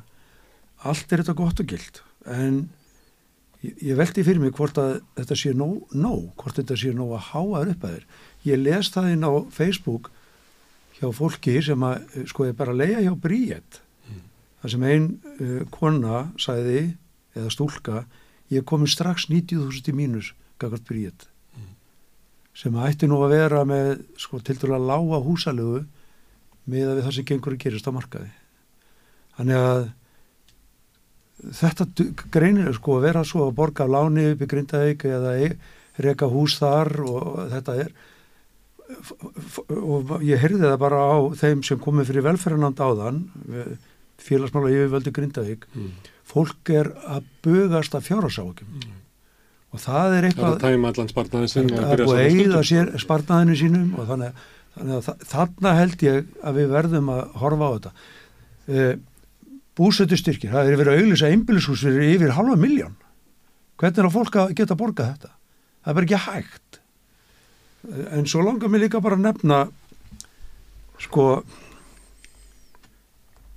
fólk í Grindavík það eru, sjálfsmyndið þeirra er ég er grindvikingur eins og vestmanningar eru enþá ég var nú bara með einni sem er búin að búa lengur í keflaðugaldinni vestmanningum hún er samt vestmanningur miklu meiri vestmanningur þetta eru keflingingur og grindvikingar verða alltaf grindvikingar þannig að það verður erfitt fyrir grindvikinga að selja sig út úr samfélaginu grindavík.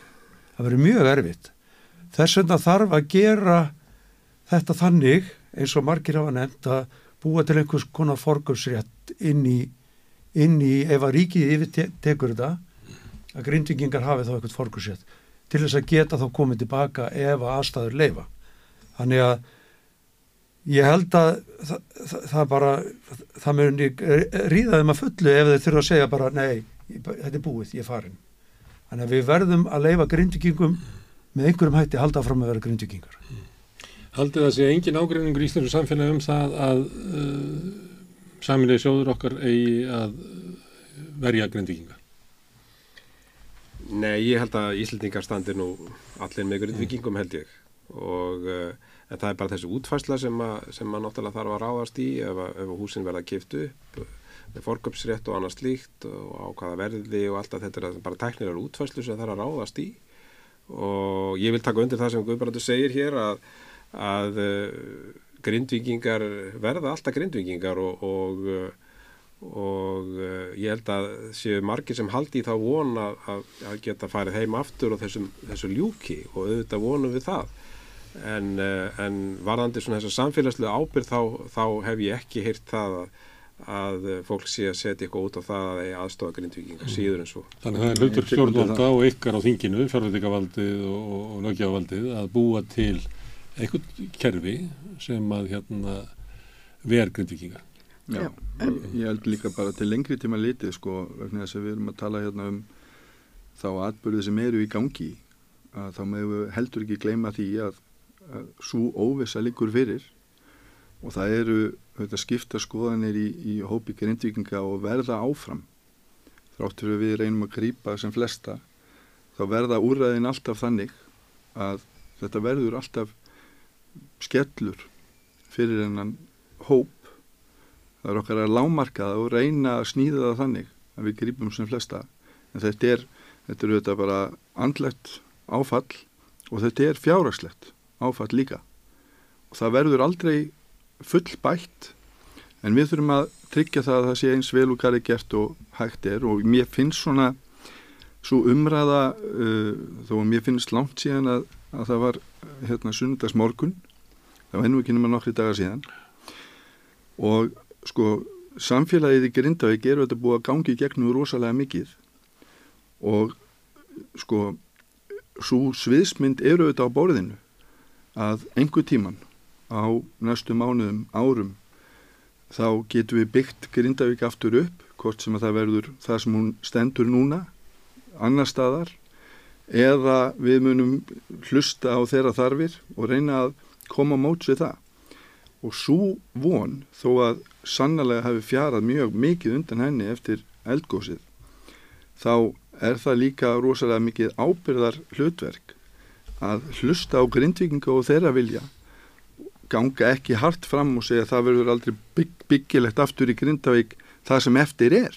Við vitum ekkert um það og verðum þar að leiðandi að vera ábyrg og eiga þetta samtal meðal annars við bæjastjórn, við grindvikinga til þess að við svona sjáum fyrir okkur uh, framtíð uh, með von.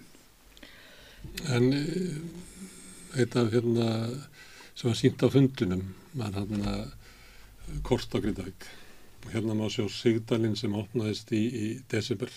Hann tekur halvan bæinn og þá var að tala um að þá kannski byggju bara hínum einn. En hérna er nýr Sigdalinn sem tók bara restina bænum sko. þannig að Já.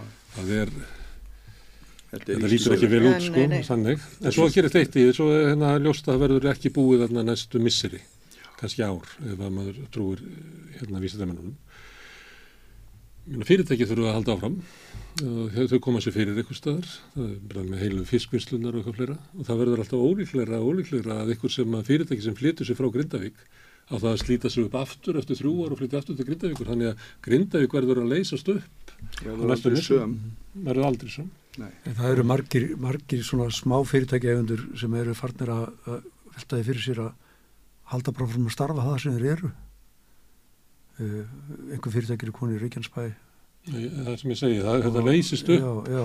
sko atvinnu líf grindvikinga er að orf eh, er komið í eitthvað gróðurús á Suðurlandi. Já, ég hef líka ágjör að því þó að, þó að vinnu minn Pétur í Vísi sko, hafi ekki sérstakar ágjör að því núna mm.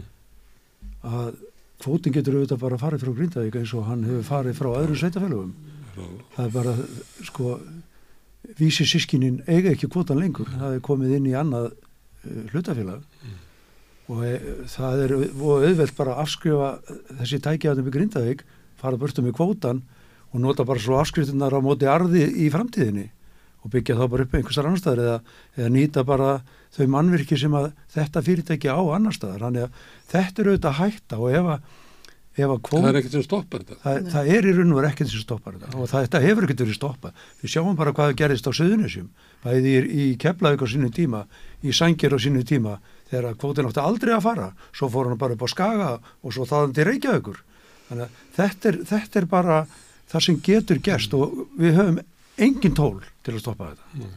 þannig að ég óttast ja. það eftir því sem að þetta var í lengur að þetta getur gerst Það er kannski bara fórskursfjörður og sögokrókur sem getur sagt að við munum byggjast upp aftur þegar við eigum kvotan það er eiga bara ekki kvotan sko. En svo líka annað við tóðu sér 800 ár síðan. Að þá náttúrulega stóðu Reykjanes eldar í, í, í 20 ára Já. og eldstöðun er vöknuð mm. og við, við getum auðvitað að láta okkur dreyma mm. um, um að það besta gerist það hefur ekki, það hefur ekki verið þannig hinga til mm. og ég held að við verðum bara að vera mjög raunsæ að taka með uh, vestamöguleikum það er alveg nöðsynlegt að gera það mm. og, og hérna að því fólk getur ekki byggðið tíu, eh, tug, tugi ára eftir að komast heim til Grindavíkur og það þarf að hérna, skapa fjölskyldum skjól. Ok, en ef við tökum hérna vestamögulegan, mm. þá fer svartsengi og þar með, ef þið búið alltaf á suðunisum, þar með hitin af húsunum ykkar og heita, heita við þann. Mm -hmm. Þá Já. rennur hérna, þá rennur raunin í voga. Já, þetta er fín það getur allt gerst en, við, já, en hérna þá rennur raun yfir Reykjanesbröð og keflaugur verður mm. til dæmi um það í sögunni þar sem að raunir rennur í báðaráttir og lokar báðaráttir sko. en þá hefur við eina góða hugmynd frá Vestmanægjum þegar þið sett upp raunhýtavituna þannig að það var snildalegt sko, það var einhvers konar bara inn í já hrauninu sem að hýta upp ja, Það verður kallt heima á tímanu þangat Algjörlega, ég veit það. Og það, þarf, það og það þarf að hugsa þetta alls saman, það þarf að hugsa stærra svæði. Uh, hvað gæti gæst mm. ef að hérna, við höfum ekki lengur rafmagn að hýta mm. þar sem að 30.000 manns búa. Mm. uh, Við höfum rafmagn frá Reykjanesvirkjunu en við þurfum að huga að hýtaötunni mm. einhverjum hætti. Við erum með massból sem að gæti sko Já, en hún er hún, já, hún, samt Að, að ég, ég er bara að færa samtali yfir og það að þurfum að horfa á sko næstu 50 árin og, að, að gera undibúa það að, að það við höfum áallanir til þess að bjarga vógum ef að raunin er á leðinu Það hefur verið hugsað fyrir eins og með hittavittuna að það sé hægt að setja á laginar hittavittu sem kemur þá frá Reykjanesvirkjun og, og það er búið að bóra tilhörnahólur Það er bara nýbúið. Það er, það er til meins heitt vatn á Vastlísuströnd sem er hægt að þá að búa til hittavitu sem myndir þá kynnta vóana það eru, það eru sko náttúrulega ymsi möguleika sem búið að vera að skoða það er, er nú einu sinni þannig en, en, en að því að það nú tala um svona um, um Reykjanes elda þá þá var einu svona glugga í gamla kirkjubækur sem var og það var skrifað frá Steffisnesi og þar segir uh, Reykjanes brennur allt mm. þá horfðum við frá Steffisnesi yfir Reykjanes mm -hmm. Það dói nú nöyt hjá hérna í borgarverðinu Já, þannig að þetta er svona sjálfsögðu, eitthvað bara sem við þurfum náttúrulega og vísimböndamennir vita af og, og, og hérna, það var nú bara mjög nýlega sem að eitt vísindamæður sagði það að við þurftum að fylgjast vel með hafnafyrði og uh, en við eigum frábært vísindafólk sem að hefur sínt það og sannað í þessum jarðræðingum að hversu megnuðu eru mm. og við erum náttúrulega þakklátt fyrir þeirra, þeirra mikla starf sem þau hafa vunnið í kringu þessa náttúrhafnir mm. Ef ég má fara aftur aðeins til nútímars af því að þú spurðir á þann hvort að við heldum að Íslandika væri samanlum að, að standa með grindaukingum fjárháslega mm. og ég held að það sé þannig og ég held að við munum gera það. Það sem að verður hins vegar deilumálið er þegar það er búið að meta áhrifin á hagkerfið, verðbólguna og allt það þá verður deilumálið sko hvað er við að fá tekjurnar, hvað, hvaðan er við að taka tekjurnar? Og þá kemur, þá fyrir pólitíkin að rífast um það en við höfum að hlýfa grindökingum við því sko, við höfum fyrst að ganga frá, frá því að við ætlum að, að mæta þessar stöðu. Mm -hmm. svo tekur pólitíkin hitt. Og við þurfum auðvitað líka að hugsa býta ef að ríkið er búið að kaupa uh, íbúðunar alltaf er þá að fara að halda einn við? Hva, það er alls konar hérna, praktísk verkefni sem, sem að fylgir í kjölfarið. En ef að vera ráðist í byggingar mm. á frambúr þá styrkir að frambóðsliðina og það er það sem okkur vandar það er spenna hér á húsnæðismarkaði auðvitað vextir og verðbólk allt þetta en það er skortur á húsnæði til lengri tíma. Þannig að þó að við myndum byggja stalsverðarslata fyrir Grindavík mm.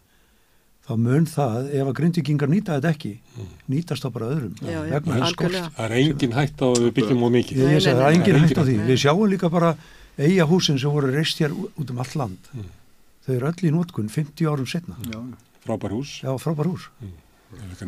Það er svona þarf bara, það þarf að byrja að taka skrefin, sko, það, að því sem við vitum að virkar. Mm -hmm. Þetta eru stórverkefni og eru fjöldætt eins og það að komið svolítið fram hér að þetta er, að það líka að skoða að hérna, hvað þetta er flókið og, og þá væri maður að velta einu fyrir sig. Eitt sem að maður heyri grindíkingu hvarta yfir og þið heyrðu það svo svona á fundunum að það er hérna húsi mitt var metið hérna alónýtt og þá fer ég til hérna, þessa sjóðs og hann getur borgað þetta en ekki lóðina og eitthvað svona og, og þá þarf ég að fara eitthvað annað og fólk er alltaf, ég þarf að ég gera það, svolítið mikið þau eru bara upptekina því, þau eru að vísa því hitt og þetta og því miður er kerfið okkar þannig, ég veit ekki hvort að fólk eru pröfað að sækja ykkur réttitt á Íslandi þá er maður alltaf sendur á milli og nei, átti að ná í þetta og ótt orð og þú þannig að það er, flókið eiga við þetta, það er eitt sem er snýrgagt grindíkingum en svo býst við að þetta verkefni sé gríðarlega flókið og þurfum við samstillingu ólíkra ráðuneyta, ólíkur stjórnsýslu stofnana, hérna bankakerfisins og lífyrísöðun og svona. Og ég var að tala við eftir þáttin í gæri það sem ég var að ræða það er þið búin til sko sérstatt grindavíkur ráðunindi eða þú veist ekki ráðunindi eða svona eh, stopnum sem að sæði um að samhæfi þetta til þess að, að verða þetta framkvæmdarlegt atriði sem við þurfum að komast í gegnum ef það er ekki nágreiningur um að, að samfélagi aðstóða þetta að þá þurfum við að búa til eitthvað sem að virkar eins og sko eitthvað kerfi það sem að hefur vald til þess að sveia eitthvað til og frá eru við ekki bara eitthvað starf á þessu svæði að við höfum að vera að hugsa um eitthvað veist, við þurfum að smíða græjunar til þess að eiga þetta verkefni? Því að alveg sem við getum sagt með bæjarfélagi Grindavík það er smíða, eða þú veist skustofun sem er þar er, það er til að reyka Grindavík á svona góðum februardegi. Mm -hmm. sá dagur ekkit í dag sko, sko. sjáum við umbreytingun á verkefliðsfélaginu sem á að sinna einhverju verkeflið, nú er það komið í hagsmunabaróttu við uh, samninga við lífur í sjóðina, þú veist það þarf að umbreyta svolítið sko Ég held að við eigum ekki þess að græju. Eða félagsstjónustuna sem að góðu degi er bara að sinna fólkinu en núna bara það með eitthvað í fanginu sem að við vitum í raun og verið ekkert hvað er. Sagt að held ég á fundunum að við réðum eitt félagsföldur og eitthvað og svo bara, er það ekki aðeins svo lítið sko? Já, já það er aðeins svo lítið. Svo má maður líka ekki gleyma sko Íþróttafélaginu í Grindavík sem að sinnir sko miklu og góðu starfi og hefur gert Íþróttafélagi er að reyna að halda utanum þetta með því að fá að vera með æfingar samíla að þetta bara kostar. Þannig að það þarf líka að taka utanum stopnaninnar sem að hafa verið í Grindavík. Mm. Jóan nefndi hér sko sveitasjóðin en það þarf líka að taka utanum þessar stopnarnir mm. eins og Íþróttafélagi Kórin og Kórin, ég er bara Ég er eins að nefna sko vegna þess að veist, þetta er auðvitað búið að vera vegferð þó að, að hérna við stöndum svona í þingsta storminum þá uh, veldi maður bara fyrir sér fyrir uh, tölvölu síðan. Bara það regluverk sem snýra náttúru á Íslandi. Mm.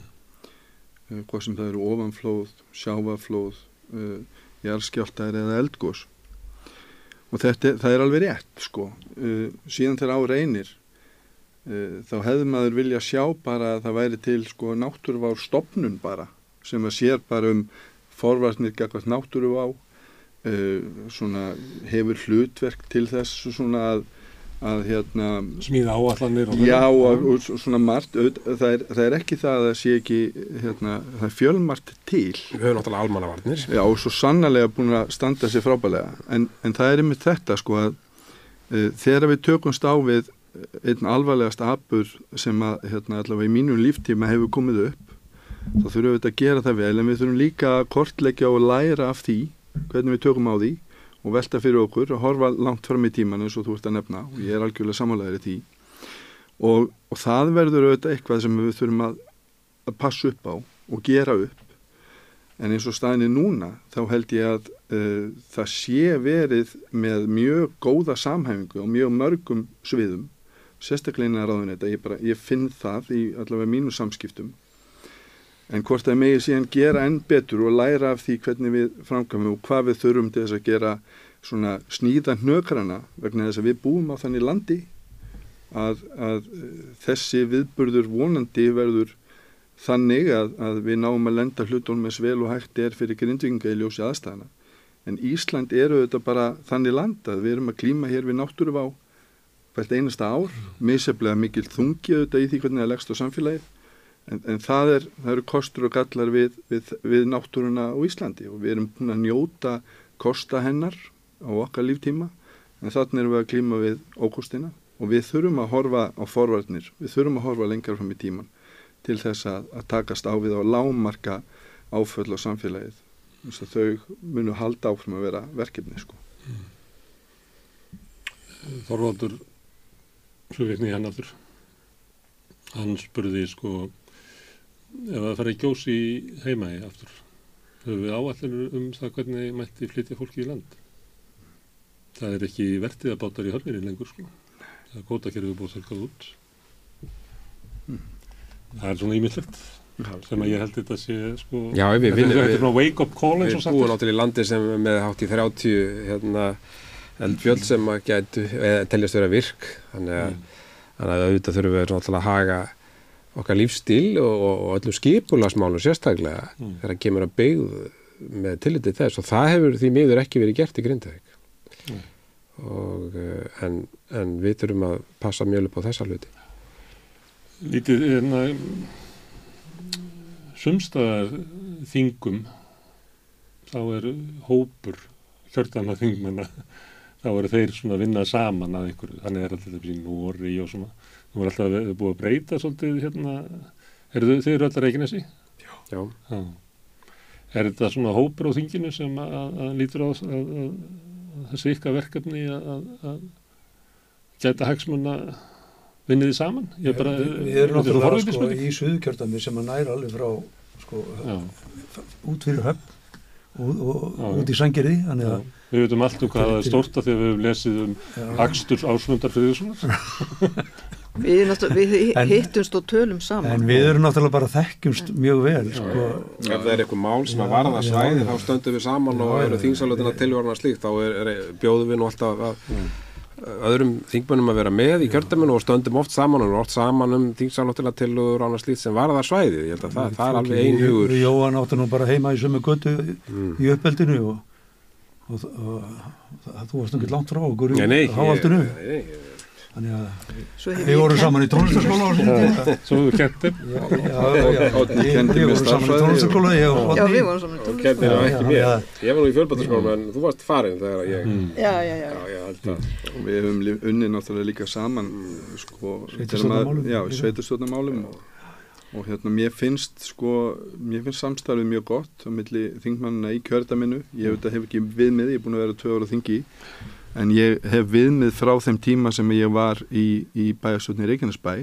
Og, og hérna og mér finnst svona já, sá tótt vera slegin í, í hópi þingmanna í Suðukjördami að reyna að samanast um, um svona stæðstu hluti sem að snúa kjördaminu alveg sannlega Mm. Mér finnst samt sem aður sko, ég, við byrjum mjög vel, við erum náttúrulega með yfirmann almannavarna, Guðrún Hafstæðsdóttir er mm -hmm. fyrsti þingmaður kjörtamisins mm. og við stofnum svona hóp og, og heldum fund til að fara yfir stöðuna, hérna, ykkur tíman var það ekki eftir tíundan óber, -hmm. en það hefur lítið verið, hann hefur ekki verið virkur sá þráður og mér finnst að þverrpolítið samstarf þurfa að vera meira í svona stórum verkefnum maður þurfa að vit, fá að vita meira. Mér finnst ég hafa þurft að sækja. Þú veist, ég ringi í, í ráþærarna og byðum óska eftir og svo sem allt í lagi fæu upplýsingar, en það er ekki svona maður, maður vill fá sæti við borðið þar sem að ákvarðanar eru teknar. En, en mann er svona haldið utan við það borð sko. Ég held að það sé nú ekki neinum ásetningi sko, ég held að bara með varandi guðruna þá dósmálar á þeirra þá hérna, er hún öll að vilja gera þessum efni ég, ég, ég á ekki við hana, ég á ekki við hana nei, ég segi bara svona almennt þegar sem fyrir að taka bara er, er mikið að gera í svona aðstæðum og mann kannski yfirsjást þessi hlutir. Já nákvæmlega, en, þetta, en þetta er sko. samfélagsverkefni þetta er öðruvísi en mörg verkefni sem við erum að fara í gegnum og við þurfum að vera öll með sömu upplýsingar og sömu, sömu blaðsíðu þegar við ferum og upplýsingar úr samfélagi grindvíkinga. Það er eitthvað að lærtamánum að fundunum á þrjúðdægin það er eitthvað að laga pípunar þannig að, að sko sjóna með fólksinn sem á að hjálpa að það komi almenna fram. Ja. það er líka bara nöysilegt fyrir okkur sem sittum í nefndum alþingis, fastar nefndunum að við fáum þessa aðila til okkar sem þess að skinja bara eigin skinni hvað, hvað gengur á. já. bara nöysilegt Mm. Við fengum það inn í velferðinu dáðan mjög gott en, en ég vil bara fá íbúðana líka mm. til þess að koma og ræða við okkur. Já, já, og alls er að mentamálunend var með vísindamenn og dórsmálar á þeirra lögstjóra mm. alltaf á fundi í morgun sko þannig að, mm. þannig að það er verið að halda þingmennum ég vil upplýstum mm. með ég meina sko. Þú vorum að tala við Ragnar Þórjörna sem kom á fundin í ykkur já. og hann er ekki alvananlegt að hann sé að hæla þingmennum en hann hérna talaði um það hversu vel hefur verið lustað og, og hafði svona trú að því hann að veri fólk komið saman til þess að leysa málum.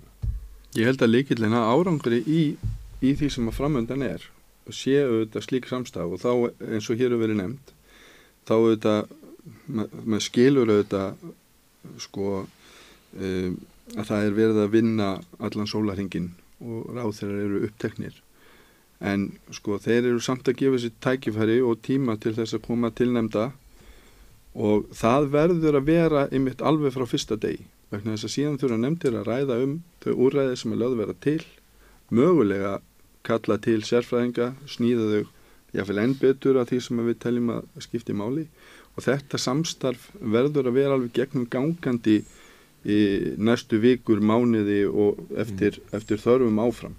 Þetta er þannig samfélagsverkefni Þetta er ekki grunninn pólitist verkefni, þetta er félagslegt verkefni til þess að taka auðvitað um grindvíkinga. Þú, ekki... Ég vonu að tala svona inn í þingflokki framsóknar. Ég gerir það, þú spurt á að því. Herðu, Otni, Jóhann, eh, Birgir og Guðbrandur, klæra það ekki verið að koma yngað og við ætlum að halda áfram hérna á Rauðaborðið að reyna að skilja heiminn sem við lögum í á samfélagið næsti eftir augnablikk. Húsnæðiskostnaður tegur meira en helming á ráðstöðuna tekjum verkafólks í eblingu. Hvernig er þetta réttlega það? Ebling stjættafélag. Sláist í hópin og gerist áskrifendur.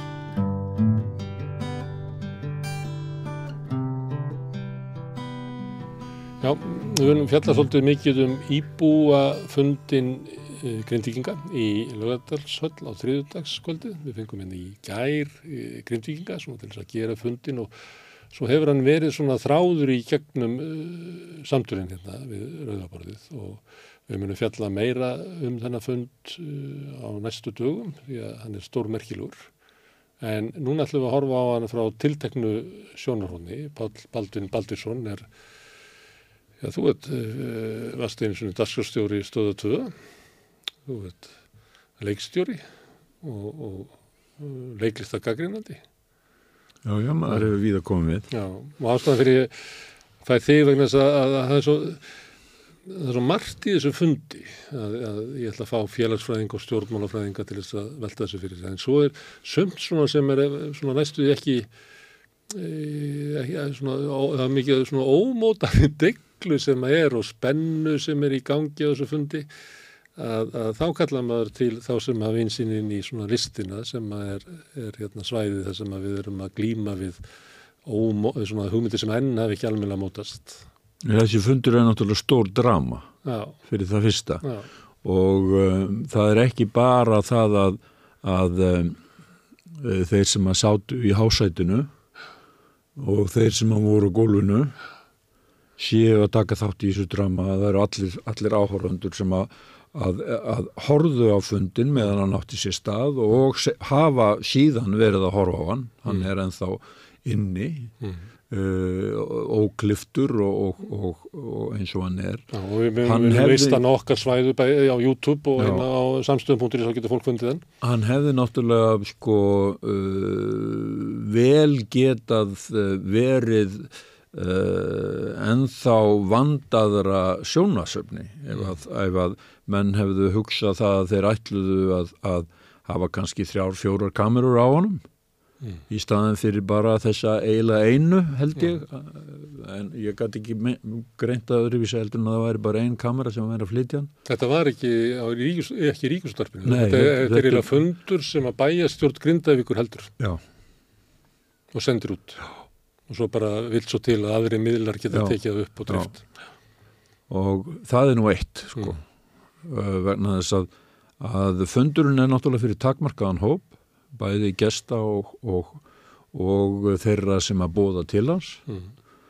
og við erum með þarna e, hið ofinbera er á pallinum Já. að tala niður til pöpulsins Mm.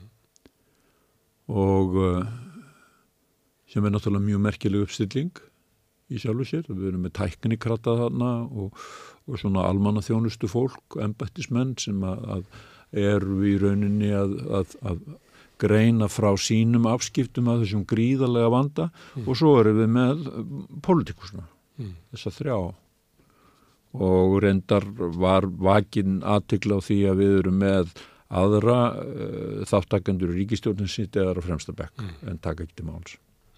Voru þetta bara tveir ráðar held ég. Já, það eru personur og leikandur sem eru mættir þannig og náttúrulega stór drama í, í gangi og uh, Og vita að það yrði, ég nefnilega er í svona smá samskiptum við grindíkinga. Þeir vissu að þetta væri því sögulegu fundur fyrirfram.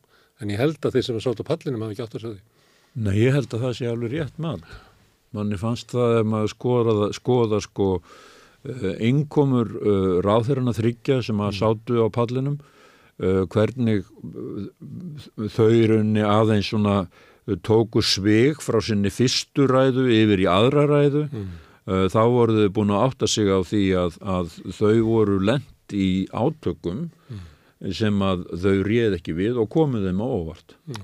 sem að segja mann náttúrulega sína sögu vegna þess að vissuleiti er það eh, skýringin á seinaganginum að fólk hefur ekki áttað sig á því í raun og veru í stjórnkerfinu og á þinginu hvað þetta er stort mál sem að er eina lærdómanum að þessu fundi er það. Það er eitthvað, er eitthvað að stjórnkrifin okkar. Ef að hérna, þeir sem er að stýra aðgerðunum vit ekki hvað almenningur vill. Nei, það er náttúrulega bara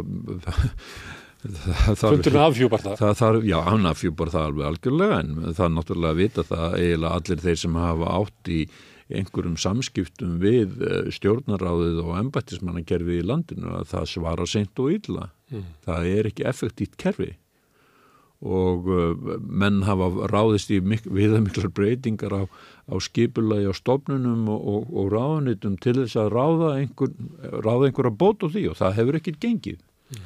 Um, það hefði náttúrulega sko, það er vel hægt að ímyndi sér það að þessi fundur hann hefði getað orðið sko pródúserað drama og kannski verður hann leikinir góðan við þetta, þessi fundur. En þess að við sáum til dæmis aldrei almenlega sko uh, viðbröð þeirra sem eru í hásætinu. Mm. við hefðum getað haft kameru á Katrinu allan tíman mm. og uh, þó þessi sömulegis og sigurði. Þannig að þegar að grindvíkingar er að tala að þá sæjum við sviðbriðin á ráðurunum á meðan já. og öfugt já. að þegar að ráðurinn er að tala og í sömu tilfellum var ekki klappa fyrir þeim þótt að veri klappa fyrir kurtissi það er ekki, vegna þess að fólki var ókurtis út í salum það var bara að senda skilabóðu Nei, síðan er það annað sem að er náttúrulega mjög uh, aðtiklisvert við þennan fund og það er náttúrulega svo gríðarlega uh, stilling sem að, að uh, grindvíkingar síndu á fundinum mm. uh, maður getur náttúrulega bara rétt ímyndið sér hvaða Olga er innra með þessu fólki mm. þar sem að það er að horfa á æfistar sitt fara undir raun eða brotna niður og og byggðina gerðsamlega að hrinja, framtíð barnana er í hættu, mm. uh, við munum horfa upp á náttúrulega stórkostleg sambúðar vandamál í þeim erfiðleikum sem eru framöndan hjá þessi fólki. Mm. Það var enginn sem, sem uh, brotnaði þannig að hann breytist út í reyði, mm. það var enginn sem brotnaði þannig að hann breytist út í geðsharingu, mm. það síndi alveg fádæma stillingu mm. fólki sem talaði þannig og maður náttúrulega sérstaklega finnst mér aðdeglisvert sko að hvað rödd hvenna verður dominerand á fundinum. Það er allir sem tala hérna frábæra og, og, og skrúðlösa íslensku bara matters of fact um það hvað er að gerast í þessu samfélagi og hvað er í hættu. Þau sem voru í salnum. Já Þetta er nefnilega vegna þess að margir sem að voru uppi á pallinum voru að segja skildu að grindvíkingar veru reyðir, þeir veru ekki í jafnvægi, en svo ef þú hlustar á þess að grindvíkingar að segja að það, maður má vel vera að fólk sé reytt og sé ekki í jafnvægi, en það getur vel flutt málsitt, það var með skýrari greiningu á stöðunni heldur en fólkið sem var upp á pallinum, lagðanar auðvitað skýrar það fram og þetta var eiginlega að maður fekk bara aukna trú á, á manginni við að hlusta á þetta. Já, já, við komum, við komum sem sagt að því að, að úr fiskiþorpunu Grindavík þá standa, standa einstaklingar upp og þeir e, tjá sig málefnanlega og án nokkur að skrautkvarfa e, í málflöningi sem við heyrðum síðan e, hjá stjórnumlagmennunum öllum minna hjá embættismennunum sem heldur sig mjög við bókstafinn. Mm. það voru nokkri sem reikuðu út og, og fóru eins og Magnús gerði að fara sko, að rifja upp kynni sín af Grindavík bensku sinnar. Það var að kaup, það var að, að fá, samþyggi salarins fyrir já. að vera einn af þeim. já. það, það var það sem hann sagði hins voru eftir var, var mjög skilt umbúðalöst og raunverulega líka var... sem að Kristín gerði hérna á veðustofinni mm. hún, hún er þetta framar í, í fundaröðinni en til dæmis grafi sem hún sínir um, um Sigdalinn sem hafði komið í December og Sigdalinn sem er núna komin sem er að strókar út restina af, af bænum. Mm. það var alveg ótrúlega sláandi. Þá, ég menna það voru bara laður staðrindir á borðið. Já. sem að náttúrulega sko sérstaklega ráðherra parturinn af leikandum í þessu drama uh, var að vissuleiti aðeins að skjóta sér hjá að, að, að ræða. En þess að það er greinilega ennþá er uh, óraðinum það hvaða, hvaða, hvað þau vilja gera.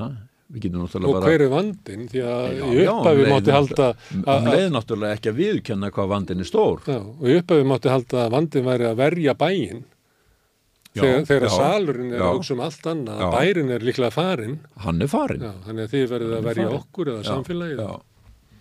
þannig að það urður náttúrulega bara kvörf í framgangi fundarins verna þess að, að þeir sem að sátt á pallinum allt í hennu áttuðu sig á því að þeir voru enþá vomandi meðan að, að hinnir niðri í sannum mm. voru algjörlega ákveðnir á því hva, hver staðan væri. Já. Þrátt fyrir að palluru verið að segja að þau í sannum væri kannski ekki í jafnvægi. Já. Þannig að þú ert komin með sko ekki bara það að þeir sem eru á pallinu þeir segja þeir eru ekki jafnvægi og við vorkennum bara rosalega mikið og við vitum það þeir í bát og við vitum að þetta er rosalega erfitt ja. en uh, en í lokfundanins þá náttúrulega bara stóðuðu frammi fyrir þessum vegg ja. sem var, var þetta fólk mm. sem saði staðan er allt önnur heldur en svo sem þið eruð að gefa í skinn og hún gæti orðið og síðan er maður með fundastjóran sem er ekki, veit ekki hvorum, hvorum hóknum hann á að fylgja. Þeim sem að bara segja þetta er bara búið spil. Mm. og hinnum sem segja við getum að sjálfsögðum útvöða 70 íbúður í bara næstu ögu mm.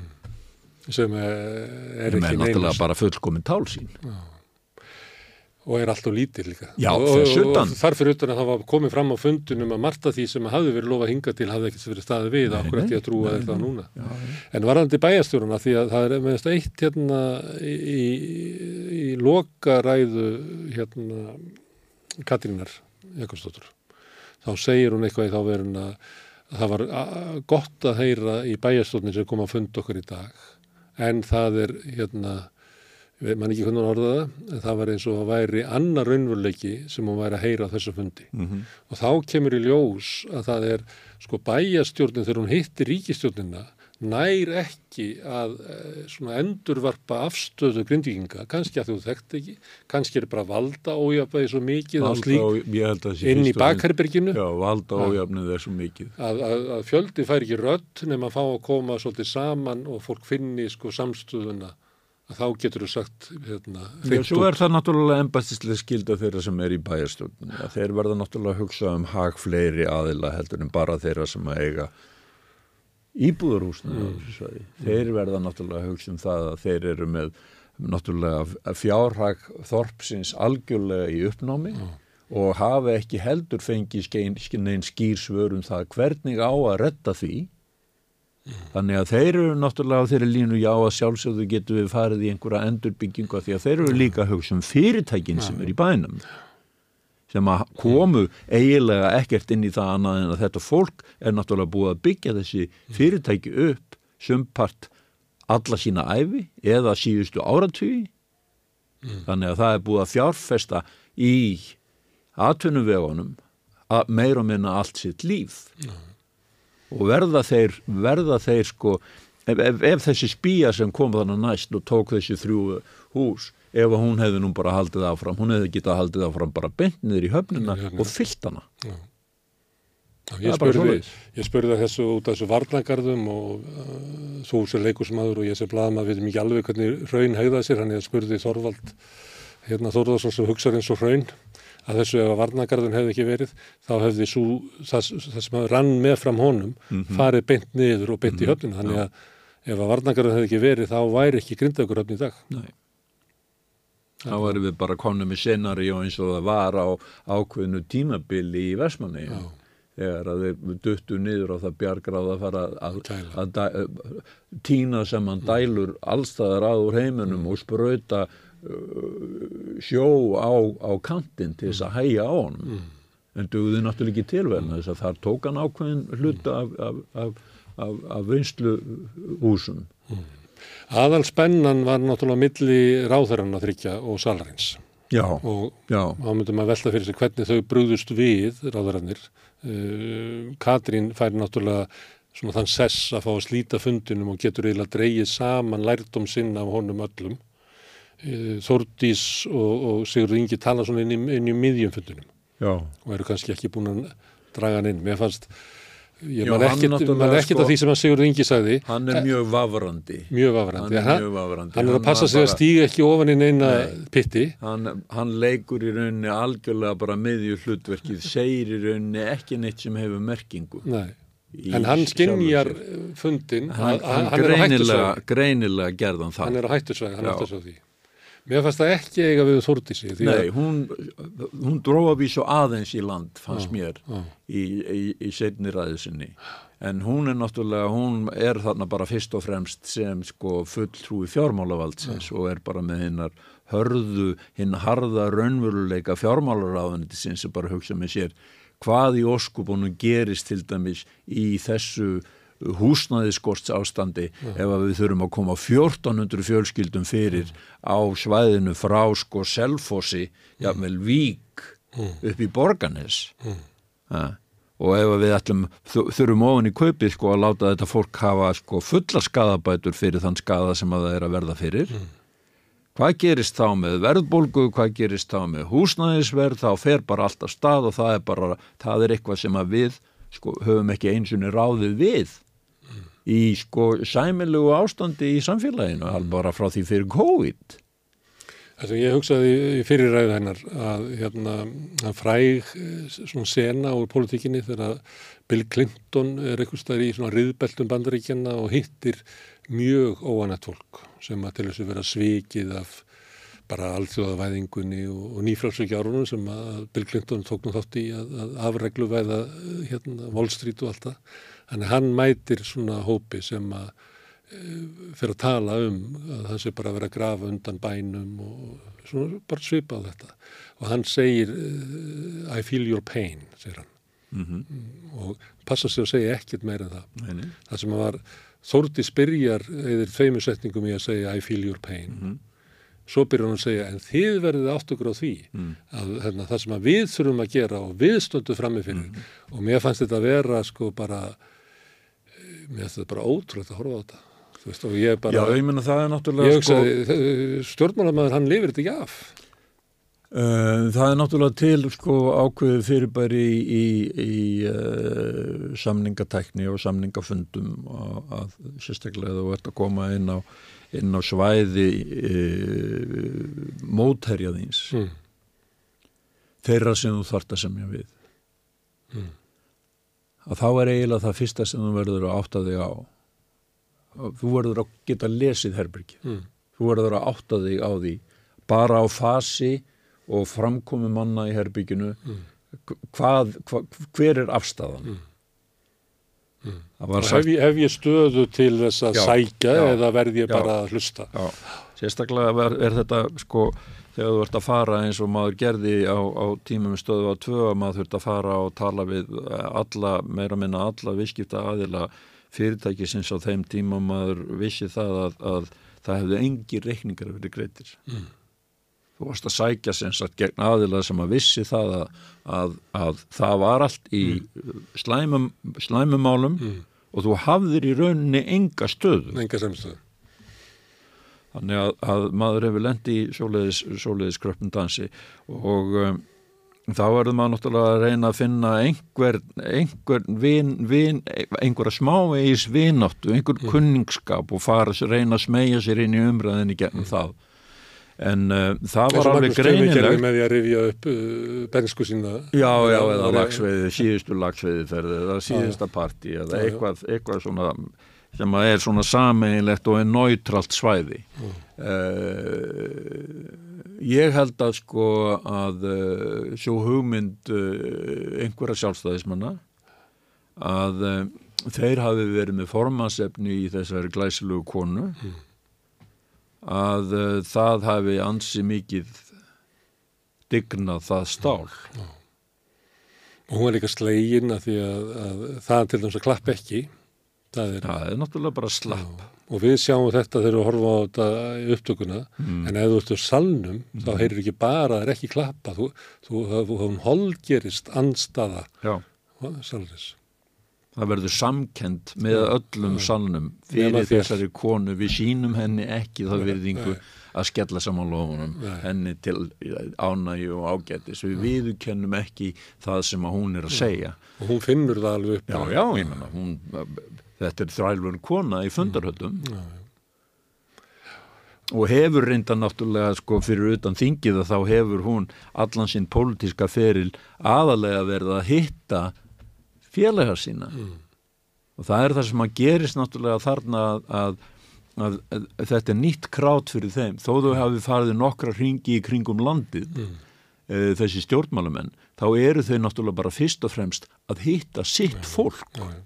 Og það eru engir sem að hafa mættu raunverulegum andstæðingum þannig að það hefur verið ofinbært nema bara svandísu bá Akranesi mm. og þetta fólk núna. Já.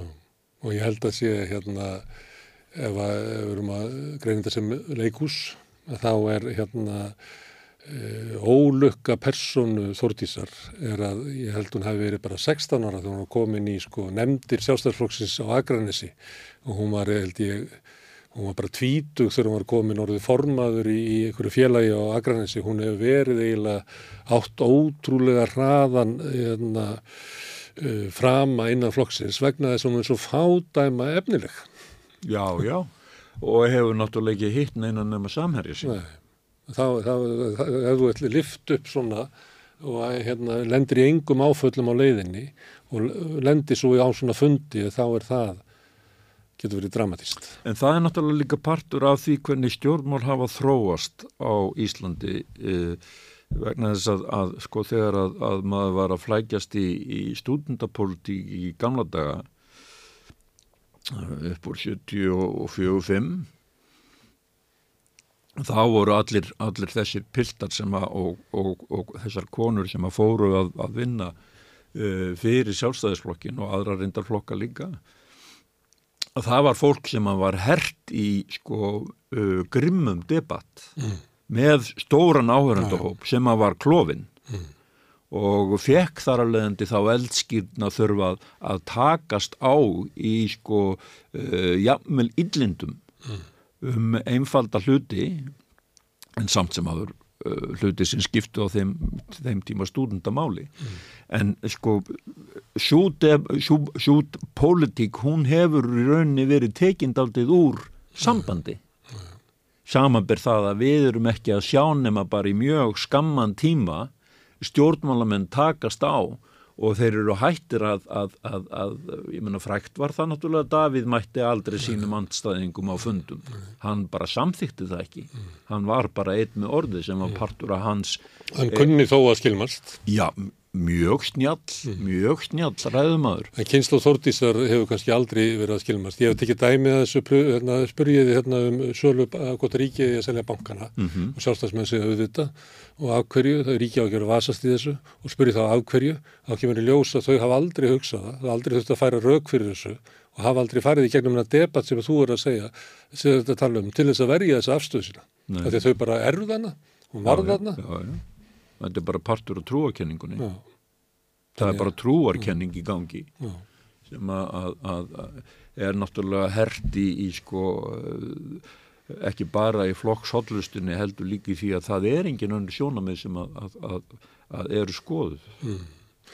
Eitt sem er merkjöld verið að fund sem er náttúrulega uh, hversu salurinn er eiginlega sko, stendur mikið saman og tala bara og ég talaði við fólk sem hefur uh, stóð upp og talaði þessum fundi og ég var bara að spurja sko hvort það hefði ekki fundi fyrir sko samstunni sem var með það mm. að, að, að sko salurinn stækkar alla sem að, að tala og fólk finnur svo vel fyrir svona samstunni og ég fór að velta fyrir mér gætu við að hugsa sem svo að því að frá hruni að þá hefur alminningur á Íslandi verið sko meiri þáttakandi í stjórnmálunum að þessu leiti sem svona veist ég, segi ekki múurinn en svona eh, því á mótmælum og fundum, þú maður stætti fundunum sem voru í háskóla bíói og svo er það östurvöllur og svona, ef við myndum flytja hana fund sambandi við hvernig fólkið í salnum lítur á valdsitt og hvernig það horfir á, á valdfólkið upp á pallinum.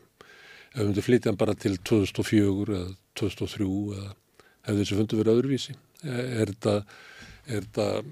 Þú ert að veltaði fyrir þér hvort að það hafi vorið einhver framþur í já, því. Já, ég, ég hvort að fólk sko... upplifi að við getum hérna, tekið okkur vald eða stöðu eða búið okkur til rödd að við sem orðum betri því heldur vorum aður. Ég held að grindvikingar gerir sér ekki grein fyrir valdinu sem þeir hafa núna. Nei ekki? Já. Ég held að þeir gerir sér ekki fulla grein fyrir því hvaða vald þeir hafa. Já. Uh, Þeir tóku dasgrávaldi á þessu fundi algjörlega, algjörlega, en það er líki fyrsta skýtu sem við sjáum það gerast mm. það hafði ekkert gerst fram á því Nei. og nota benni allar ræður, öll ávörp öll innkoma uh, grindvikinga inn í umræðuna hún byrjaði á þökk og allir beigðu sig fyrir valdinu sem að setja á pallinum. Mm. en síðan þegar þau voru búin að sína sem sagt kurtisina mm. og, og, og þökkina fyrir það litla sem hefur verið gert þá kom hitt fram Þannig að það er... En er það ekki bara kurtesi? Þetta er er- bæjastjórnar til dæmis Já, og þú já, bara þakkar fyrir. Það er, það er kurteisi, en hann samt sem áður, sko, hann þakkaði sérstaklega fyrir það í fundarlokk, fundarstjórin. Mm. Þannig að hann veit alveg að, að í þessum hópi þá var náttúrulega olga í mönnum sem að þeir bara sátu á, Já. sem að var náttúrulega, sko, viss áfangi fyrir svona pólitíska stöðu þessa fólks en ég held að, að það sé nú bara fyrst og fremst vegna þess að, að staða þeirra er orðin svo kröpp Mm. og þau gera sér fyllilega grein fyrir því. Ég spurði þau að því hérna í gær og þá sögðu að þegar maður er komin upp við vegg að þá bers maður. Og það er bara sama og við getum talað um verkefliðsbarótt í bandaríkunum. Það er búið að brjóta alltaf saman niður og þú, ef þú kúar fólk inn í Amazon eða inn í McDonalds þá bara verða til ný verkefliðsfélög bara af því að fólk er svo kúað sko. Já, já, meni við getum hort bara á það til dæmis sko hvernig, hvernig uh, verkvöllin hafa verið núna í Breitlandi út úr hilbriðiskeiranum sko. Já, það er bara hægt að fara vist langt með fólk. Já. En ég heyrði það líka að þau töluðu um sko einmitt um þessa samstöðu í hópnum og ég held að Grindavík hafi breyst líka þeirra hugmynd um hver þeirra staða væri. Líka hvað er líka sko pólitíks fórust okkar. Ég þau hljóta náttúrulega að spyrja sig á því. Já. Þetta hefur náttúrulega verið fyrir eitthvað blár bær, Já. enga framtaks bær og uh, það er náttúrulega ganga núna í gegnum það skýrna það er bara fyrst og fremst þinn félagslega samstæða sem að getur komið þeim í skjól Mm. og börnunum þeir í skjól. Merkileg tíðindi. Já, þetta er stórmerkilega fundur. En uh, það við getum tekur undir með mér að, að við höfum að kvetti alla til að horfa á þetta. Já, ég, ég, Svo vilt þetta verið sett upp í borgarleikursu. það getur náttúrulega verið einhver, ef einhver leikustjóri vit í kollinum, þá Já. getur hann náttúrulega gert það. Að það, þetta er alveg uh, grá upplagt efni uh, til þess að varpa skýru ljósi á þau átök sem að eru framundan Já. um hvernig, hvernig þessu fólki reyðir af. En þetta er líka langt umfram Grindavík. Þetta segir okkur svolítið um stöðu já, bara já. almennings og Íslandi Já, varðið valdinu. Hversu, hversu fjarlæg stjórnvöldi eru raunverulega almenningi og það að þau siti þarna inni með stæðsta mál á Íslandi bara á þessari öld Grindavík. Þannig það er ekki eins og þú veist byttu, ha, já, Grindavík, það verður ekki búin að segja mér frá því. Að þau komið þarna inn og séu bara eiginlega blanko og gagvart afstöðu bæjabúa. Já, já. Það er eiginlega, þá ættum við að fara við að vera endurskoðun á bara stjórnkerfinu á Íslandi. Hvernig getur þetta gæst? Og ekki nóg með það, sko, það er, það er líka, sko, eins og, eins og maðurinn sagði, ég fer hérðan jafn rugglaður og ég var þegar ég kom hingað inn. Mm. Þið, þið hafið ekki gefið mér neyn svör. Nei. Og sko, ef maður ber saman uh, ræðu fórsetisráður hans, Mm. Uh, sem að ég kalla nú bara fórsetaframbóðsræðu á almannavarnafundunum fyrir nokkrum dögum Mm. og síðan þessar tvær ræður sem að þarna voru fluttar af henni Mm. að uh, þá held ég að hún hafi í raun og veru átta sig á því að hún er að, að takast á við stærra verkefni heldur en hún hefur tekist á við áður. Já.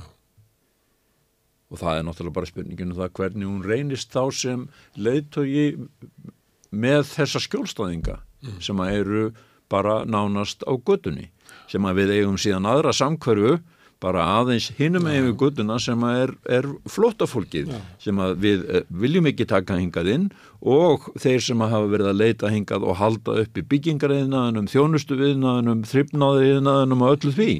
Þannig að það eru bara paralelur um það og þarna sjáum við bara að, að, að við erum með stjórnarfar sem hefur leitt það af sér að, að við erum uh, í rauninni með svona forréttinda hóp stjórn sem að gera sér minnst og hefur enga pólitíska hugsun. Og fólk skamtar upplýsingar til sem bara ráðurannu myndi þóknast.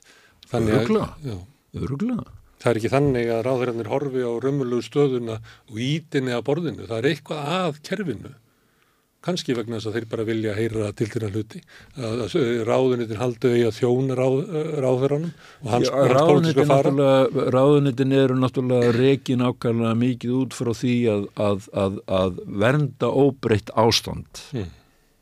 og gæta þess að Gera það verði ekki það verði ekki farið út í einhverja vitlis eins og að þjóna fólki eins og að sjá til þess að, að 1400 fjölskyldur úr Grindavík þær fái borgaða fulla skadabætur fyrir þann, það sem að er að gerast að, að, að þetta ágæta þorp og þessi fallega byggð sem hún er. Við fóruðangað bara í, í, í sömur sem leið og hef nú bara ekki, við vorum þar dagpart nokkri félagar. Og fórum þar um á hjólum og hittum fólk. Svona bara eins og maður gerir í þorpum. Mm. góðan daginn, hvað er heitir þú, hvað gerir þú? Er þetta ekki bær? Nei. 3800 manns. ég kalla þetta þorp.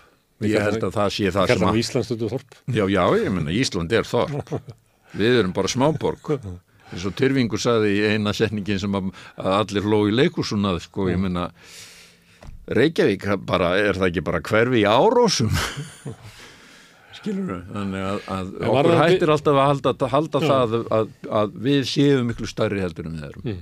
En varðandi þetta með hvort að hérna, ráðamenn heyri og ráðafólk heyri hvað almenningu vil. Þú gæti skipt sannum út og þú getur sett leyendur inn sem hafa verið að tala um sína stöð og margt sem að þetta fólk var að segja er eiginlega bara staða raunveruleiki fólks á leigumarkaði og þú getur skipt út fólki, Mhm. Já, já. lát ekki fólki, fátöku fólki, já. bara stjórnvöldur bara núna verja sig þannig að þau bara heyra ekki hvað það er Nei, og, nei. og, og fólki sem að er í svona sölum að það er alltaf að hlusta á að við höfum að það svo gott, heiminni standa svo vel Ísland er svo frábært að það bara passar ekki við raunveruleikan þannig að sömuleiti þá afhjú bara þessi hérna fundur líka þessi rosalegu tengslarof stjórnvalda við þann almenning sem að, að, að, að gerir kröfur á einhverja úrbætur í samfélaginu Já, já, það, það bara, gjáin var opinn. Já, það er er gjá sem að er opnast í Grindavík, Mm. í Grindvíkingum, en að gjáin er líka á milli sko, stjórnvalda og almennings. Já, mörgum, mörgum sviðum. Hún er það í heilbriðismálum, hún er það í, í geðheilbriðismálum, hún er það í mentakerfinu. Þú veist, við bara mm, sitjum því miður uppi með pólitist kerfi sem að skilar okkur ekki þeim árangur í endurbótum og samfélaginu sem að eru bráðan nössinlegar. Herru, Pall, takk fyrir að koma engað og hjálpa okkur að skilja hennar fund. Mín var ánægjan. Og við ætlum að halda áfram að fjalla fundin eins og ég hef nefnt hér á næstu dögum. En þetta eru lokin á rauðaborðinu á 50. kvöldi. Ég bendi enn og aftur á að samstöðin er samstagsverkefni okkar sem erum að búa til þætti hérna gestan okkar og ykkar sem eru að hlusta. Þið getið hjálpa okkur við að byggja það upp með að benda fólki á að við erum á Facebook og YouTube, öllum hlaðvarsveitum, við erum í útvarpinu á stór höfuborgarsæðinu 89,1 sniður að stilla það inn í bílnum og því sem eru auðvitað þessar sveðis getið náði út að settingarnar á spilaranum, það er spilari.is á netinu og svo er spilari líka app sem að maður hlaða nöður í síman og hlusta á samstöðuna og allar íslenskar útastöðar hvað sem er í heiminum. Við erum komin í sjónvarpi á þeim sem að fá sjónvarpi sitt frá símanum.